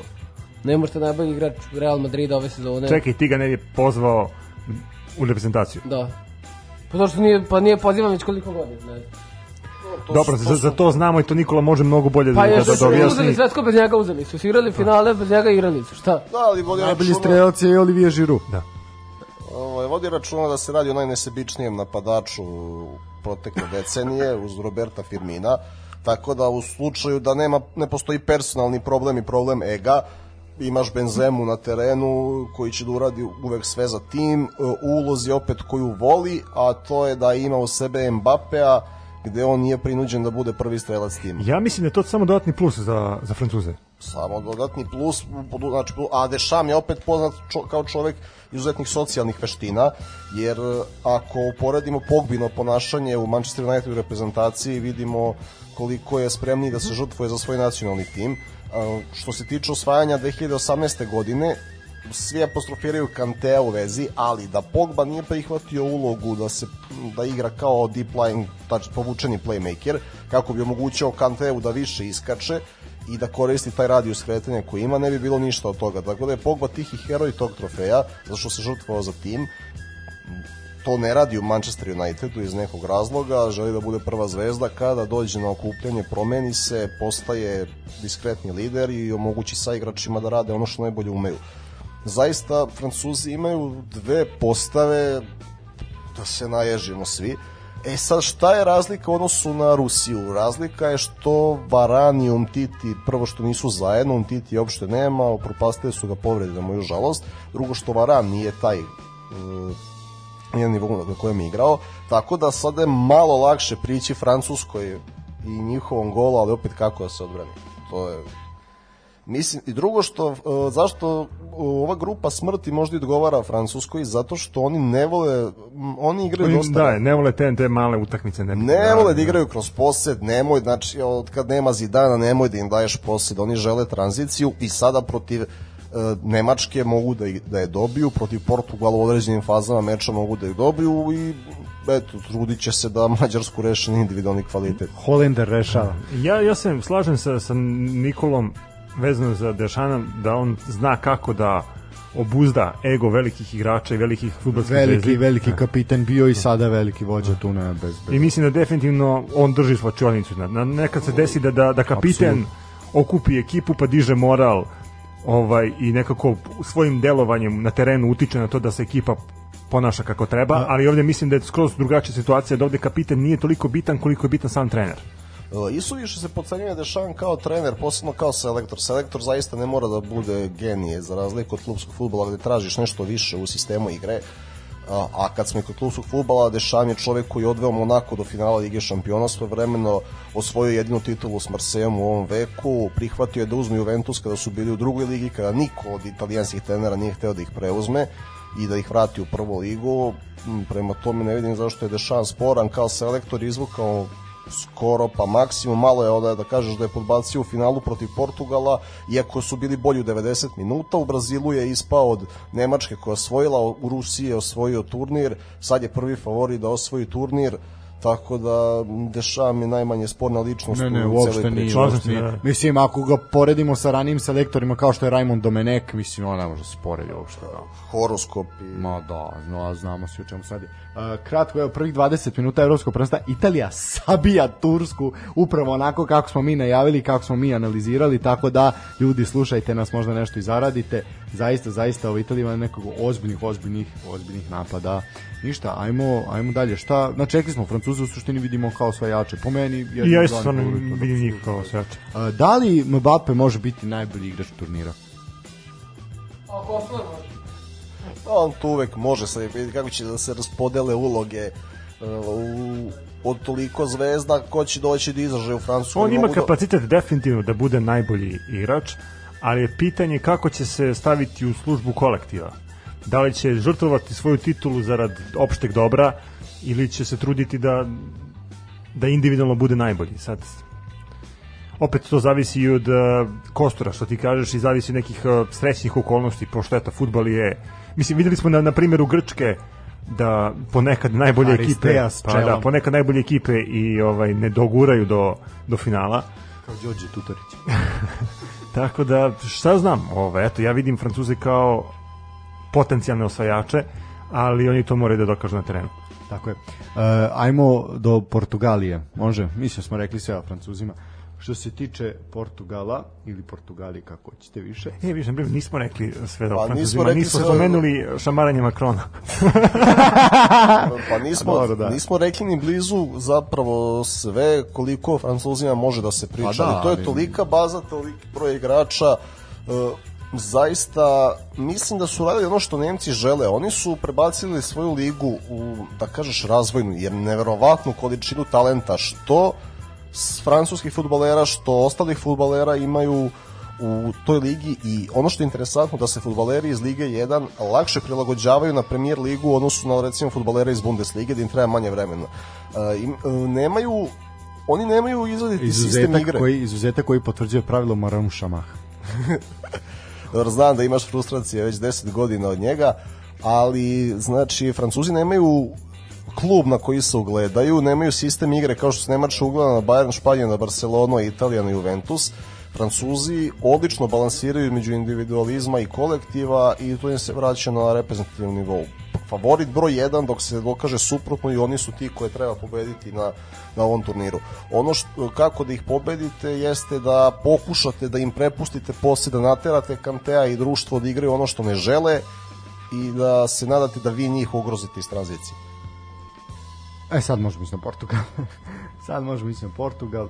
Šta reći, oni su bili drugi u kvalifikacionoj grupi iza Ukrajine, to je ta naša nesretna kvalifikaciona grupa, 22-6 je bila, bila gol razlika, u Ligi Nacija su bili drugi upravo iza Francuske, sa gol razlikom 12-4, u suštini oni igraju u formaciji 4-3-3, uh, negde daju oko 2, 2,5 golova po, po utakmici. Pamtimo tu utakmicu sa Portugalom po, Nažalost.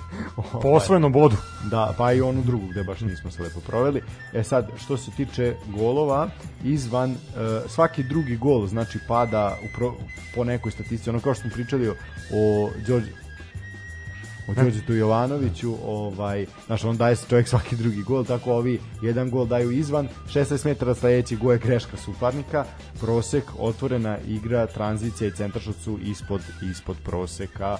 E sad, Nikola, kako ti vidiš igru Portugala i koliko... E, pre nego što Nikola odgovori detaljno i studiozno, ja ću reći Aha, kada malo smo istorije, kod, malo pa da, istorije, malo dobro. istorije kada smo kod Portugala Portugal je svoj najveći uspeh doživio na prošlom evropskom prvenstvu u Francuskoj kada su u finalu baš pobedili Francuze E, to im je do sada jedina titula koju imaju a pre toga su naj, najbolji uspeh ostvarili na evropskom prvenstvu 2004. kada su bili domaćini i to je to čuveno evropsko prvenstvo na kome je Grčka izdominirala sa svojom neatraktivnom futbolskom igrom i uzela titulu.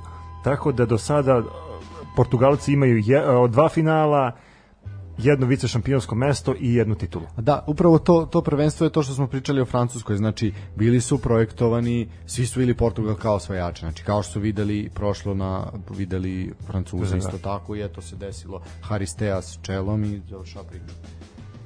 Pa, pazi, Portugal je osvojio prvenstvo 2016. onako kako ga je 2004. izgubio. Oni su tim futbolom koji je Grčka upravo. igrala, osvojili 2016. lično najgori turnir futbolski koji sam gledao u životu, pa se nadam da će ovo prvenstvo biti dinamičnije u smislu same futbolske igre. E, Portugal sada ima mnogo bolji tim nego 2016. Zaista, kada pogledamo tu raznovrsnost, e, futbalere koji su se od tada pojavili, Ruben Dias, Bernardo Silva, Diogo Jota, Joao Felix, to je ono što ni blizu nisu imali. Ronaldo i Joao Moutinho su i dalje tu, Pepe i dalje tu i sada će biti interesantno kako će da se spaja mladost i iskustvo. Ono što je, što je da je Fernando Santos kao selektor Grčke i Portugala, gle čuda, u svom životu, naviknut na taj reaktivni ultradefanzivni sistem igre, pokušava, za sada mu i dobro ide to prilagođavanje da jednostavno ovi momci žele više loptu u nogama, žele da stvaraju veći broj šansi, žele da dominiraju utakmicom. Za sada se snalazi u tome, ali opet e, u ove tri godine i u ovoj covid pauzi ja veliki broj reprezentativnih utakmica ne uzimam uopšte za za reper zato što se igralo u toliko različitih sastava, u nekim čudnim okolnostima, bez navijača. Ovo sad je ono pravo. E, Tako da Portugal jeste uz Francusku i Belgiju možda najbolja ekipa ovog turnira. E, Svakako Tako, i dalje tako stoji po kladionici. u užem krugu osvajača. E sad šta je ključ? Ključ je kako da se uh, momci koji žele dominiraju loptom kako da se uklope sa samim Ronaldom koji mnogo manje pruža u polju. Fernando Santos neće smeti da ga stavi na klupu u bilo kom momentu. Znači treba uklopiti Ronalda i sa loptom i sa druge strane znači u, lopta će biti kod njih, njegovo je da eksploatiše prostor da pokuša da skoči na, na drugoj stativi. E, Vremenom mislim da će Portugal izgledati fenomenalno bez njega za gledanje. Sad ne znam kakve rezultate će praviti u narednim godinama, ali to je ključ da se, da se Bernardo Žota i momci uklope, i Bruno naravno, da ne zaboravimo, da se uklope sa njim u nekom drugačijem stilu igre. E, mislim da da će morati malo da sakrivaju mutinje u defanzivi, kao što rade u Wolverhamptonu. I mislim da će da će imati problem u defanzivnoj tranziciji, lako će, lako će praviti žute kartone, moraju da deluju mnogo inteligentno, moraju da da paze. U ovoj grupi mislim da im odgovara ova situacija zato što ne moraju da, da traže posed lopte. Mislim da nema šanse da lično ih vidim možda čak i ispred, ispred Nemaca ovaj, da završe na drugoj poziciji, a Nemci na, Na treće, ja. Da, evo, Svetozar ima kratak komentar na trenutnu utakmicu. 28. minut je između Turske i Italije. Italijani zaista, zaista sabijaju ovaj, i kako ti vidiš ovu E, utakmicu? pre, pre nego što je krenula utakmica, on mi je rekao da je tipovo na, na Turke. Tursku, da. I ja vidim već sad m, nervoza, Sad znaš, nervoza, se, ne, da, da, da. Ja sam, ja sam tipao sad na Italijane, jer zaista sabijaju, pogotovo na kako smo mi predvideli, to mi je posebno drago. Jedna kontra, centar šut, Burak Ilma s glavom, leve raške, Kao Đorđe Tutorić. tako je. sutra na burek i jogurt. I sutra burik i jogurt, da. Dobro. Sve dogovoreno. Sve dogovoreno. Da li imamo još nešto da kažemo o Portugalu ili ćemo preći na... Mađare. na, na, Pa na- imamo to, na mislim da je važno reći da sada imaju mnogo više opcija sa klupe nego 2016. Ona je zaista jedan splet okolnosti. Sada, sada oni mogu da budu ti koji kontrolišu utakmice i ne zavise od random faktora. Kada se pogleda ovaj sastav, znači širina u boku, š, na centralnim bekovima, u veznom redu, posebno u ofanzivnoj liniji, na mnogo više načina sada postižu golove i mnogo su zanimljiviji neutralnim Mene zanima, evo, kako bojica vidite ulogu Cristiano Ronalda u timu na ovom euro. Ko će prvi? Pa ja već sam već rekao, on može da, zasmeta u pozicijom Tako napadu. je. Može se desiti da bude veća smetnja nego korist. Ja čak mislim da nekim momentima bi možda bilo dobro kad bi ulazio sa klupe. Da. A, imamo evo prvu Ja spornu situaciju već na dve evropskom godine prvenstvu. za Juventus, ali preveliko je ime i nema, pa ne, nema... Jednostavno treba da se izdrži on kao ličnost. Nema, nema tren, nije, trenutno ne radi sa trenerima koji smeju da mu kažu bilo šta. Sari ga je jednom zamenio i znalo se da će dole na kraju sezone. Pri čemu je Sari dobio tu utakmicu tako što uvodi balu koji je rešio derbi protiv Milana, ali se to Ronaldu nije svidelo i Mauricio Da, Sari je bio moram se sad uključiti u stilu ovih reportera ovaj, Radio Novog Sada. Prva sporna situacija na evropskom prvenstvu, evo imali smo je, nije VAR kontaktiran, znači sad će u stilu Dejana Nedića ovaj, Ne, ne, nastavi, 20, nastavi. da, 28. minut je bio 28. minut je bio u toku kada je Ciro Immobile pao, tačnije srušenje u srušenje u kaznenom kaznenom prostoru, međutim nije nije ovaj nije sviran, nije sviran nije sviran prekršaj, nije sviran najteža kazna, VAR se za sada nije uključivo na evropskom prvenstvu. Što se tiče uh, naredne uh, reprezentacije, a to je Hungari. Hungari, da, idemo na Mađarsku. Ovaj, mislim, u Portugalu smo manje više sve rekli, vidjet ćemo kako krene po Cristiano Ronaldo, ako proradi inat, sve je moguće, a opet može biti da više smeta nego što budemo koristi. Uh, što se tiče Mađarske, oni su bili četvrti iza te sada već toliko pominjene grupe sa Hrvatskom, Velskom i Slovačkom, negativnu gol razliku su imali 8-11. Uh, zanimljivo je da su oni sve svoje pobede ostvarili u Budimpešti u Budimpešti, ni jednu nisu na strani. U Ligi nacija su bili prvi ispred Rusije, Srbije i Turske, gde su primili samo 4 gola, 7-4 je bila gol razlika. E, što se tiče nekih formacija u kojoj oni nastupaju, to je 4-2-3-1 i 3-5-2.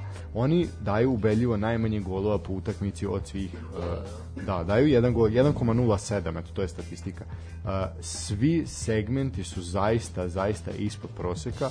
E, 40% golova je palo iz centar šuteva, a ostalim rubrikama su dali po jedan ili dva gola. Ono što je zanimljivo i za njih je da imamo dva naša predstavnika, tako reći, a to je Nikolić. Naše gore liste. Naš, Nikolić Z i ovaj i Holender. Uh, s tim da je Holender jedini predstavnik Superlige Srbije, jel, Linglong Superlige. Tako da eto, može se reći ako ne, oni ljudi koji simpatišu domaći fudbal da će da će možda pratiti i zbog toga.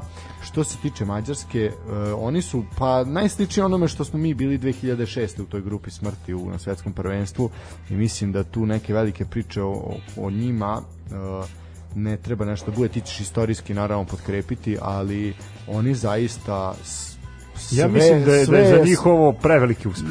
Pa vidi, prošli, prošlo je evropsko prvenstvo su došli daleko, mislim daleko, no, prošli su grupu i nokaut i tako dalje, zaustavio ih je upravo Portugal, ali mislim da ove ove godine svaki gol koji postigne u ovoj grupi treba smatraju ono da se slavi kao u San Marinu da bude nerodan dan da Orban pusti.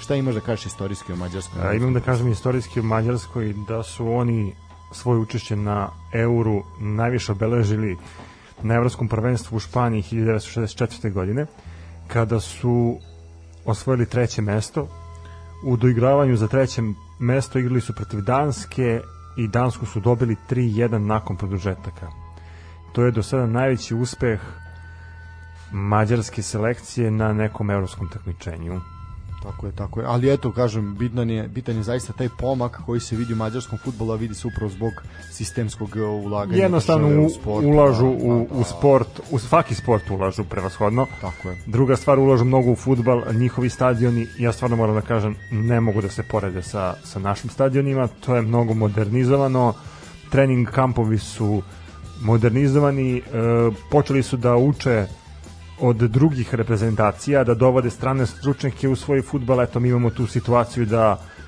dva igrača poreklom sa naših prostora igraju sad za reprezentaciju Mađarske. Imamo taj uticaj politike na, na stvaranje i jačanje futbala. Mađari ulažu u pogranične i da kažem i čak i, i strane klubove. Pa da, A, da, eto imamo tako je. primer TSC, imamo primer u Slovačkoj Dinamske strede, Osijeka. Osijeka, e, tako da stvarno su počeli da da razvijaju Ko je u Rumuniji?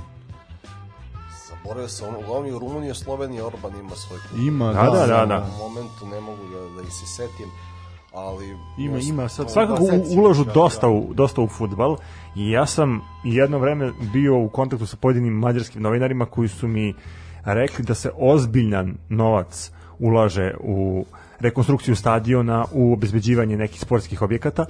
A, takođe ja sam očekivao da Mađari možda mogu u budućnosti da dobiju um, ne verujem svetsko, ali euro definitivno.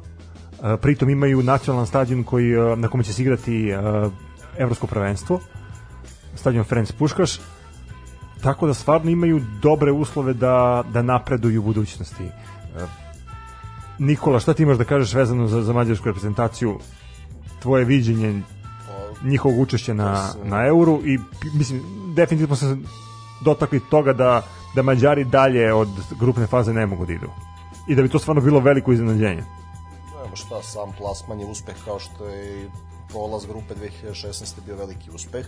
Nadovezao bih se samo, oni su izvršili kategorizaciju sportova, zna se tačno ko šta može da očekuje u Mađarskoj i koliko dobija i ishodno tome se prave finansijski planovi. Oni su krenuli malo drugačije da rade neko neke druge zemlje, krenuli su od infrastrukture, i rade, ali ne ide im još uvek, ali rade na, na popravljenju struke. M- U Mađarskoj nećete vidjeti sada u tomu neko veliko ulaganje da dovedu jednog Brazilca koji će da zaseni ligu, smatraju da time ništa nisu radili, grade polako i za nekih deseta godina se mogu očekivati određeni rezultati i veće baze igrača.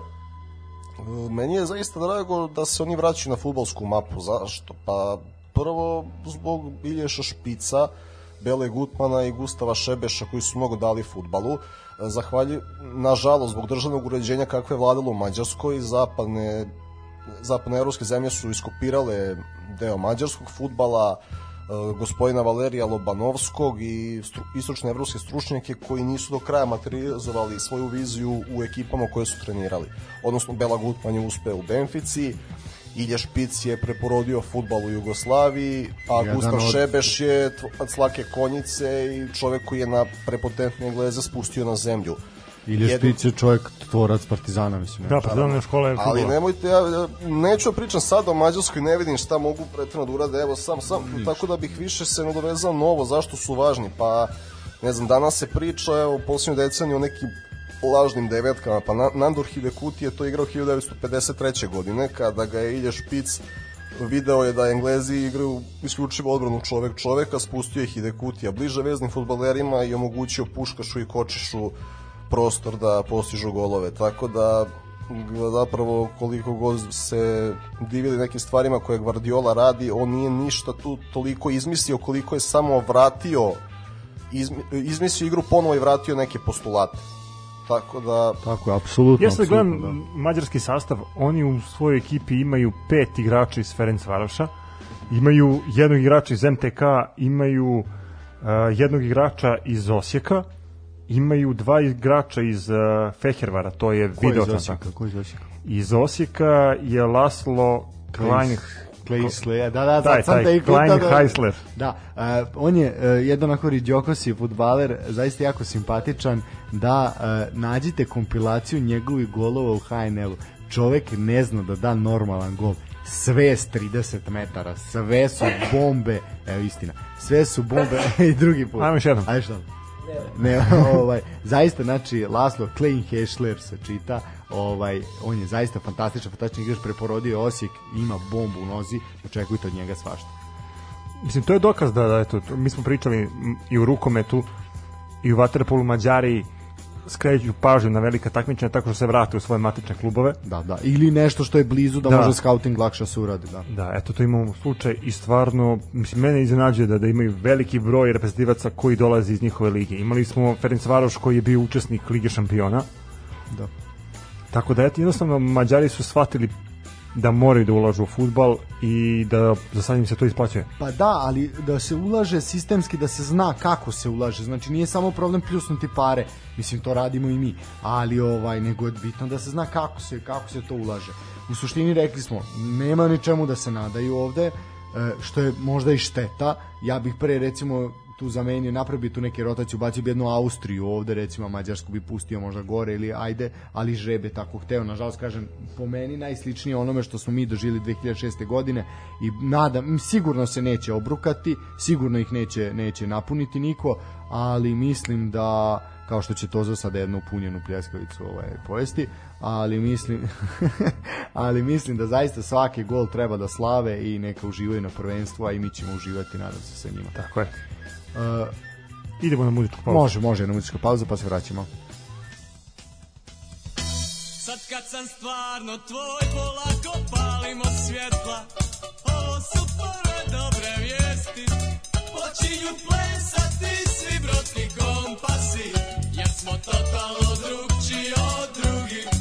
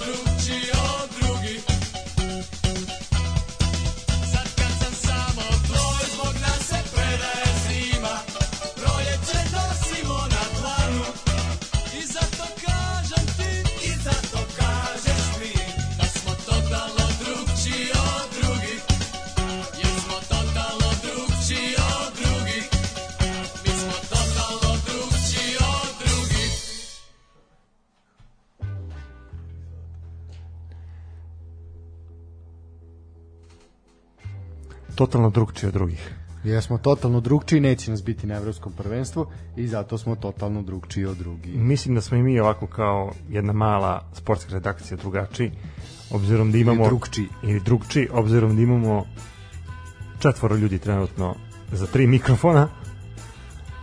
Ali samo jedan za tanjirom i viljuškom, a to Da. je sve to za... Ja mislim da si opravdao poverenje trenera ili razredno kako god hoćeš mene da Da, ovaj, mislim da će se opet ljudi brinuti za njegovo zdravlje. Evo, ozbiljan, ozbiljna šansa opet za Italiju. Pa ne, Čiro, Čiro i Mobile. Pa definitivno će biti naj, naj, ovaj, najbojitiji ovaj, u napadu, u napadu Italijana. Zaista, eto, pratimo krajičkom oka. Turska je imala jedan ozbiljan pressing, a ovo sve ostalo je je Italija izdominirala je onako potpuno dominantno. Pa nešto, moraju da traže... To za kako bi mogli da, da proslavimo ako bi eventualno Turska dobila Italijane?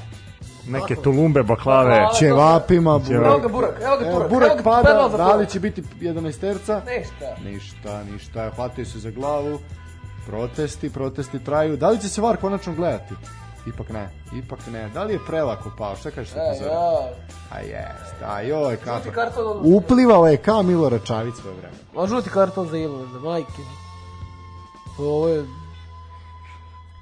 Ni mami rođene ne bi svirao. Da, što bi rekao moj tata, pao je kao krava na livadi. pa ne, ovo stvarno.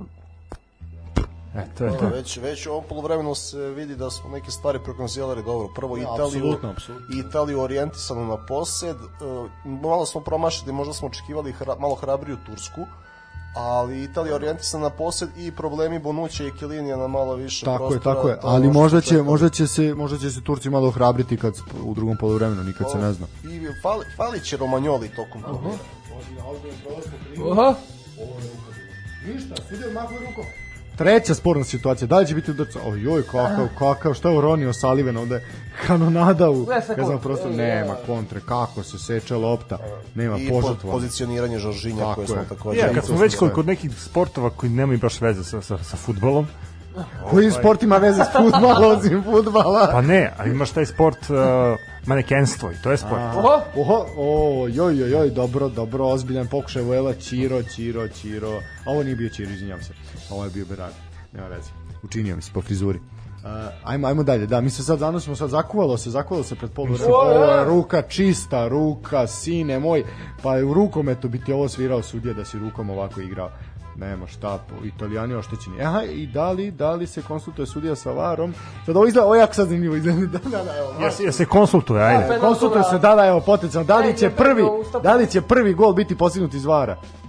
Ne, ne, ipak nema penala. Dobro, ništa, ajmo Kad smo dalje. kod evropskog prvenstva, eto, ajde, pošto nećete da pričamo o, o drugim sportovima, mene, pričamo, pričamo. ne, mene zanima koja vam utakmica ostaje u pamćenju i koju utakmicu posebno ste emotivno doživjeli? A, ne, misliš kroz... Evropsku, da. Kroz sva, naše reprezentacije ili generalno? Pa bi generalno sad. Pa ako aj pričamo o našoj reprezentaciji, onda je to svakako utakmica protiv Slovenije, 3-3. A ako pričamo... Ono kad je Savo dao Da, da, da, da, da. I Ljubinko Drugović, da, Ljubinko Drugović, pa je Savo dva. Pa da, ovaj, Zahović je dao pre toga. Znači, to je, to je recimo ono što ja nešto pamtim, uh, kao nešto, nešto meni onako pozitivne neka sećanja. Možemo pričamo o negativnim sećanjima, ne moramo baš što se tiče naše reprezentacije, a što se tiče uh, generalno evropskog prvenstva, pa ne znam, možda to finale, finale 2008. recimo, ovaj Nemačka, Nemačka i Španija, recimo to mi je neko ostalo, ostalo upečatio sam mnogo očekivao od tog od tog finala zapravo je bila jedna onako bleda, bleda utakmica. Tozo. Nemam nijedan meč koji bi izdvojio. Čekaj, ozbiljno. Ne, neverovatno. Ne, ozbiljno. Ozbiljno. Neverovatno. Ozbiljno ti kažem. Nemam pojma stvarno.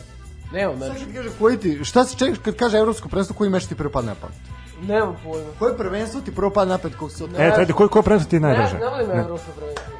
A zašto? Zato što su mi totalno bez veze. Znači, ne mogu ja da gledam Mađarsku, Dansku i Finsku u duelu međusobno. Ili Austriju i Makedoniju. Znači, To sad imaš, to a nisi. imao sam i ranije uvek neke tako. 2008. godine si u jednoj grupi imao Italiju, Francusku, Ajmo mi sad, evo, ali u ostalim grupama nema ništa. Sad gledam Sojunčua protiv Gerata Bejla. Ili Granita Džaku. ne znam, ne, mogu da, ali vidi, to za sad, to za sad malo igra ulogu, Ne, ali ozbiljno, on ozbiljno. predstavlja, a okej, on predstavlja, predstavlja zapravo velik broj naroda koji ne uopšte osjeća da je evropsko prvenstvo i meni nije jasno zašto. Mene to nije zanimljivo, meni je zanimljivo da gledam premijer ligu i ostale, ne znam. ja. Ovo ja da gledam, ovo Ti si zagovornik te teorije se ukine reprezentativni fudbal. Nisam, ali koga briga. Znači da se A ukine. ne, ozbiljno, ne znam. Jednostavno, kad je otkad vlada COVID i nema publike, ljudi ne osjećaju da se bilo šta igra. Izuzetno Ja mislim da bledo i je. vreme drugačije gledamo.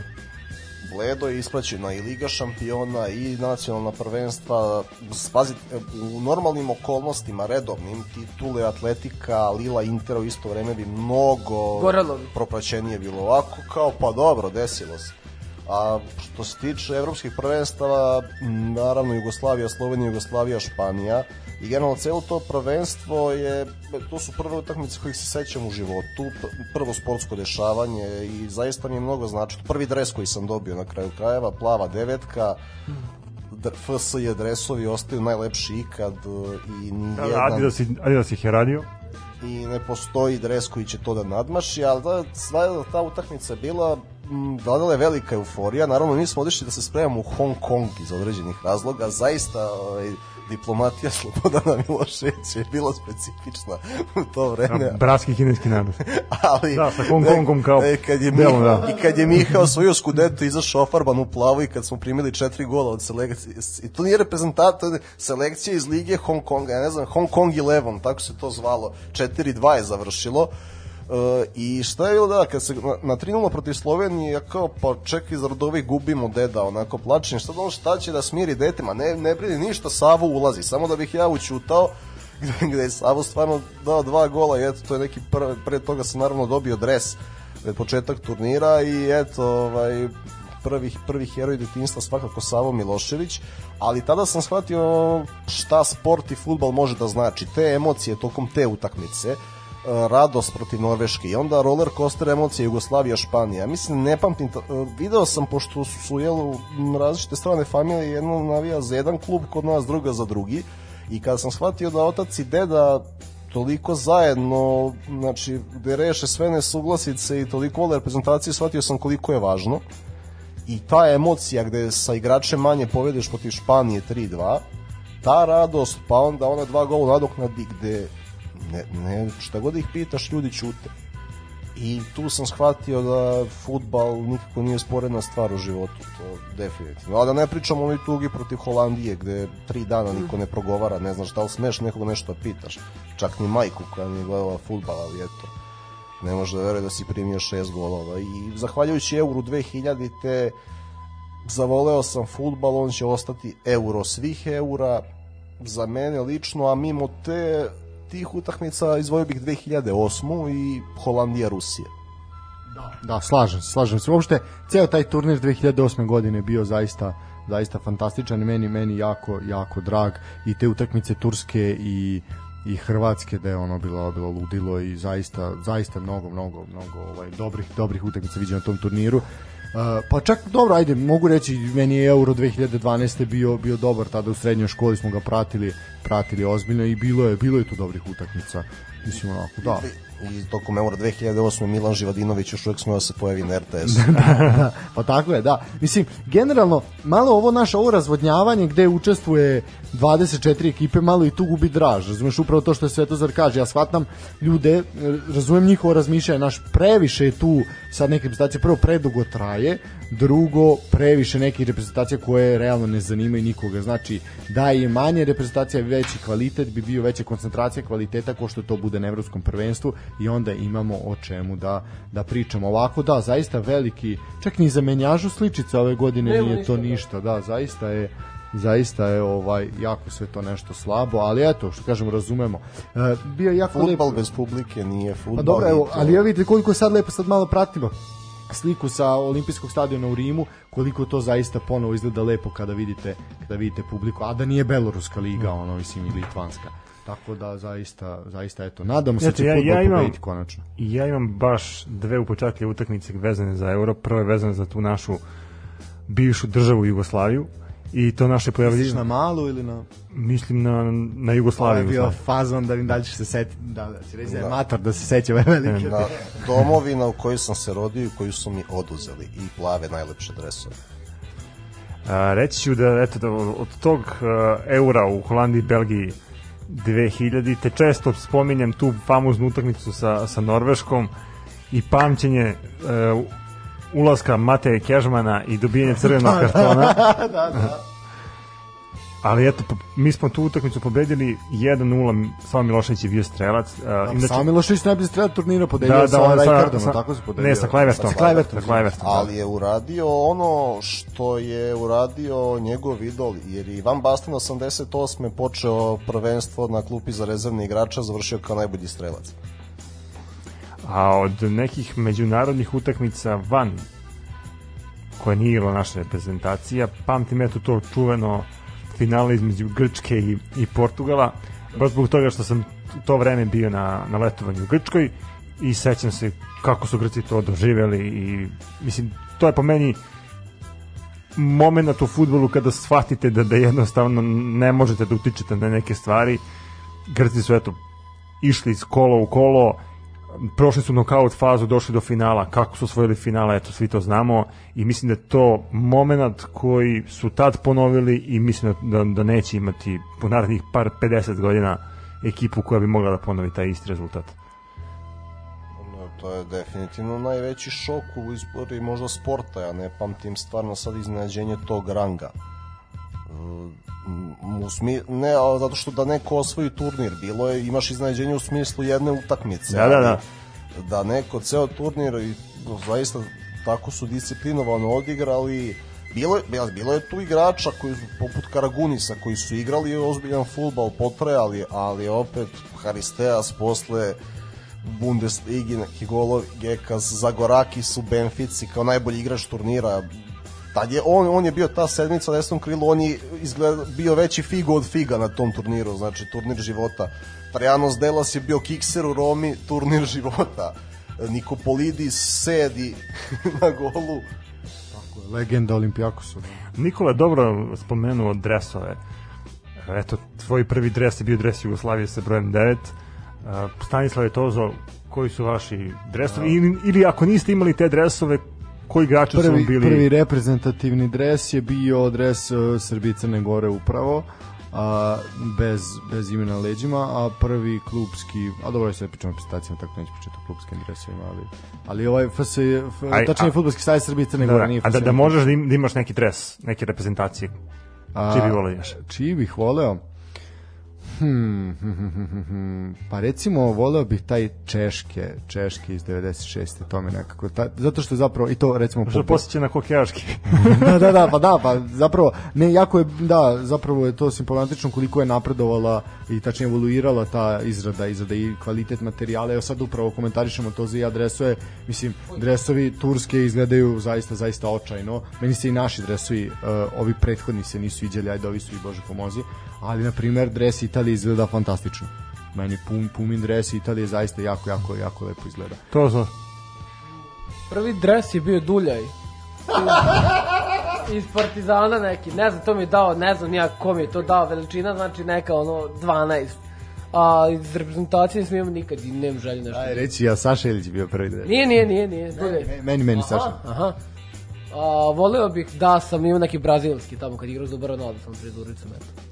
Ne, ja, ja da sam znao koliko će futbol da mi znači u životu, nikad ne bih prosledio taj dres a, mlađem bratu od tetke, kao mali mi je, ne mogu da ga Mali, opišem. vrati ga, vrati ga. Vrati E, ga, sa- vrati. I naravno, ko zna gde on završio na kraju, da sam znao da ću toliko voleti futbal, ostao bi u, zauvek u Maro ovako, ali nadam se da ću naći neki remake dresova iz 98. i 2000. za određenu kolekciju i da ih imam. Tako da mislim da dva bolja dresa Može, ne može to da se nabavi, može. Na, rešit ćemo to. Dva bolja adresa ne postoje, niti će postojati. Možda Jugoslavija 90.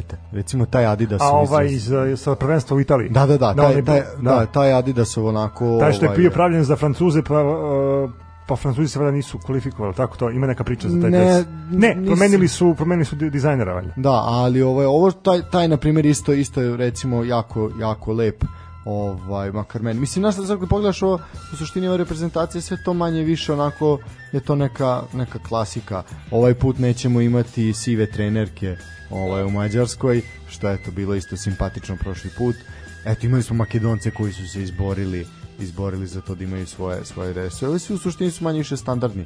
Mislim ovo kockice ili su ovi čisti tako da u suštini ili te engleski beli dresovi nekako uvek imaju posebnu E, kad težinu. smo kod dresova, uh, ja mislim da se, da se, da se dobro izgovara ovako uh, ova marka Casual, uh, Lion Scott, oni su napravili... Da, da, Orao, ne, tako? Da, da, da. Oni su napravili uh, remake uh, polo majica,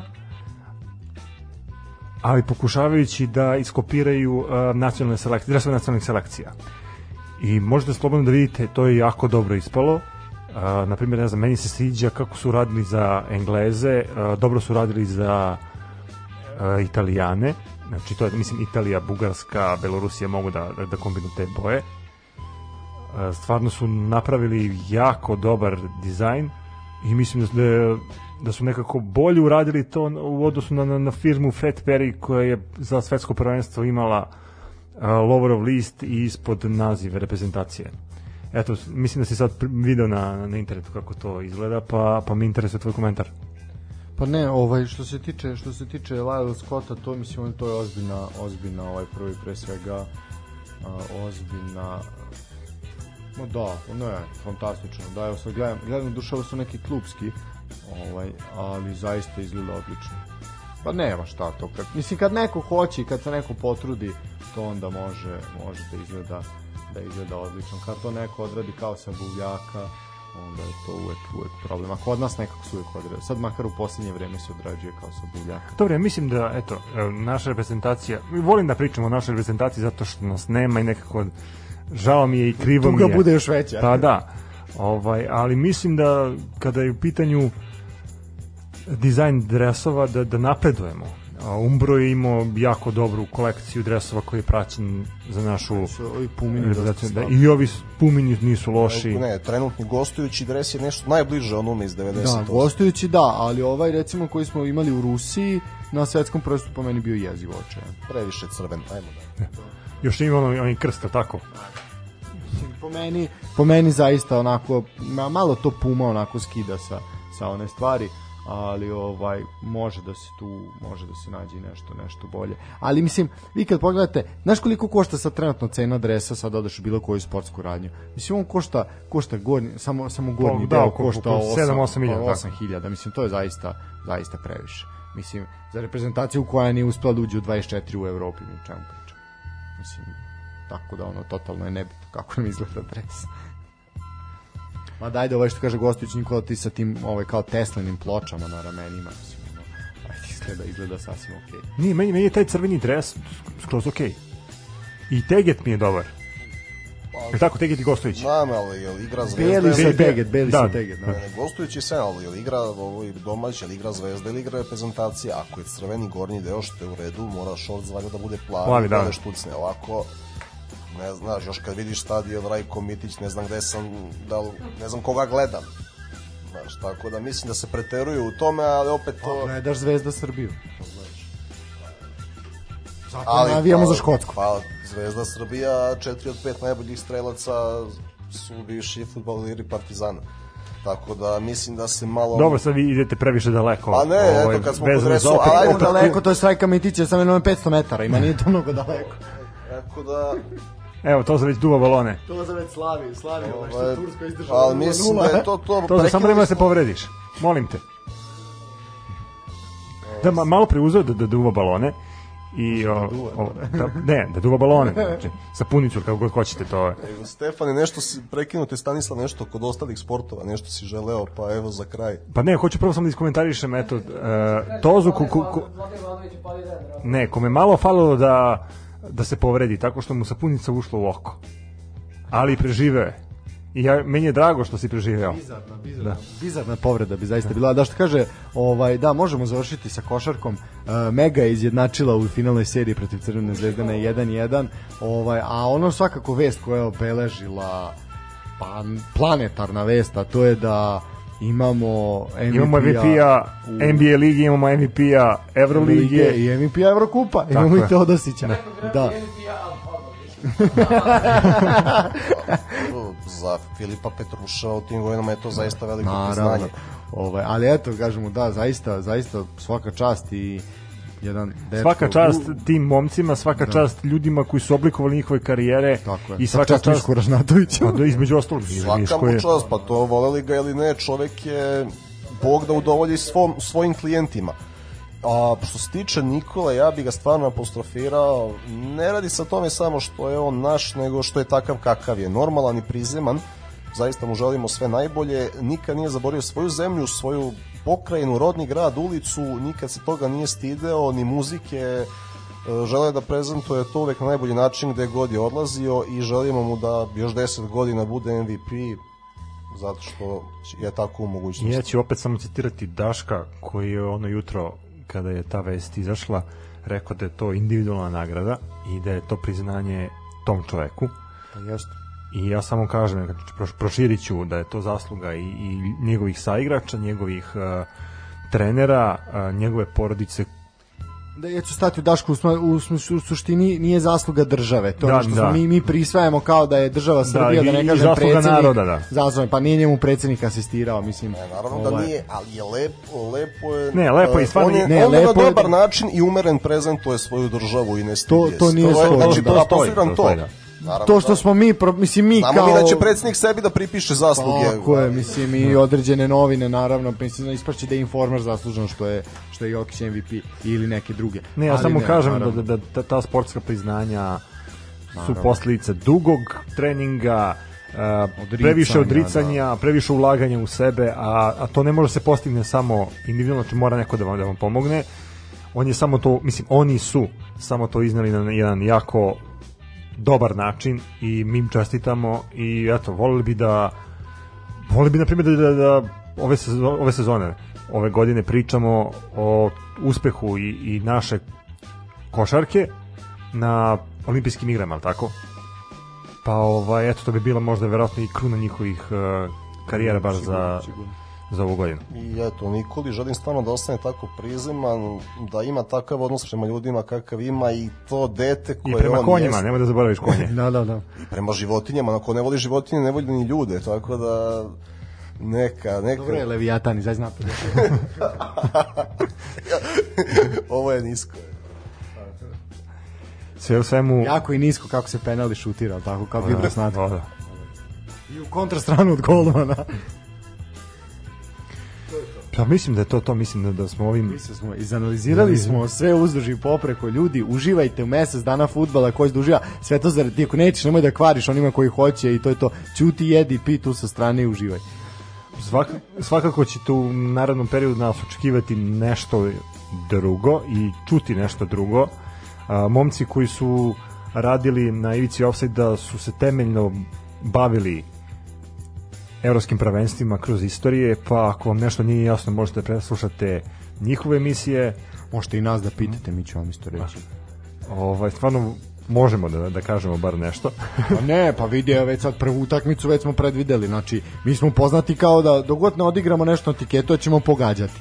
Tako da nemojte, nećemo ništa igrati, a vi odigrajte umesto nas, a sve to za Reo počeo, ne ode fešta traje, on duo, Fe, fešta traje ne ništa, možemo da mi ćemo se prepustiti zabavi i proslavljanju tvog rođendana koji je bio u sredu. I uživajte uz utakmicu. Tako, živjeti uz utakmicu. Ja bih se zahvalio na još jednom pozivu, zaista, i da nadam se da ćemo uživati tokom eura, da će ovo biti neka možda i uslovno stalna postava, pošto smo uspeli da, našli smo način da četiri čoveka budu u studiju isto vreme. Tri čoveka i Svetozar. Tri, i Tri i po muškarca. da. Kako da, tri, tri čoveka i tetka, tako. ne, tri muškarca i tetka, tri muškarca i tetka, da. Da, samo vidjet ko je ovde tetka. To. Svakako Nikola, hvala ti što si upotpunio ovo naše druženje, hvala ti na stručnoj nam pomogao. i hvala ti na stručnoj konsultaciji, uh, hvala ti što si izdvojio vreme, što si izdvojio svoje znanje i prezentovao Uh, ja se nadam da ćeš nam se revanširati pa nekim ručkom, večerom, doručkom, što da ne. Ovaj, mislim da mi to zaslužujemo. Svi oni koji se pitaju za tozino zdravlje, dobro je, šećer mu jeste udari u glavu, ali dobro je. Što bi rekli u jednoj pokojnoj emisiji koju često spominjem, da završimo pa da idemo u Carevu Ćupriju. Pa da.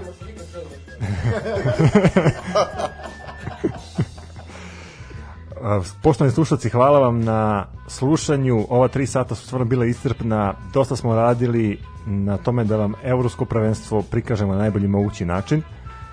Nadamo se da ćete nas slušati i dalje. Do sledećeg slušanja, sportski pozdrav.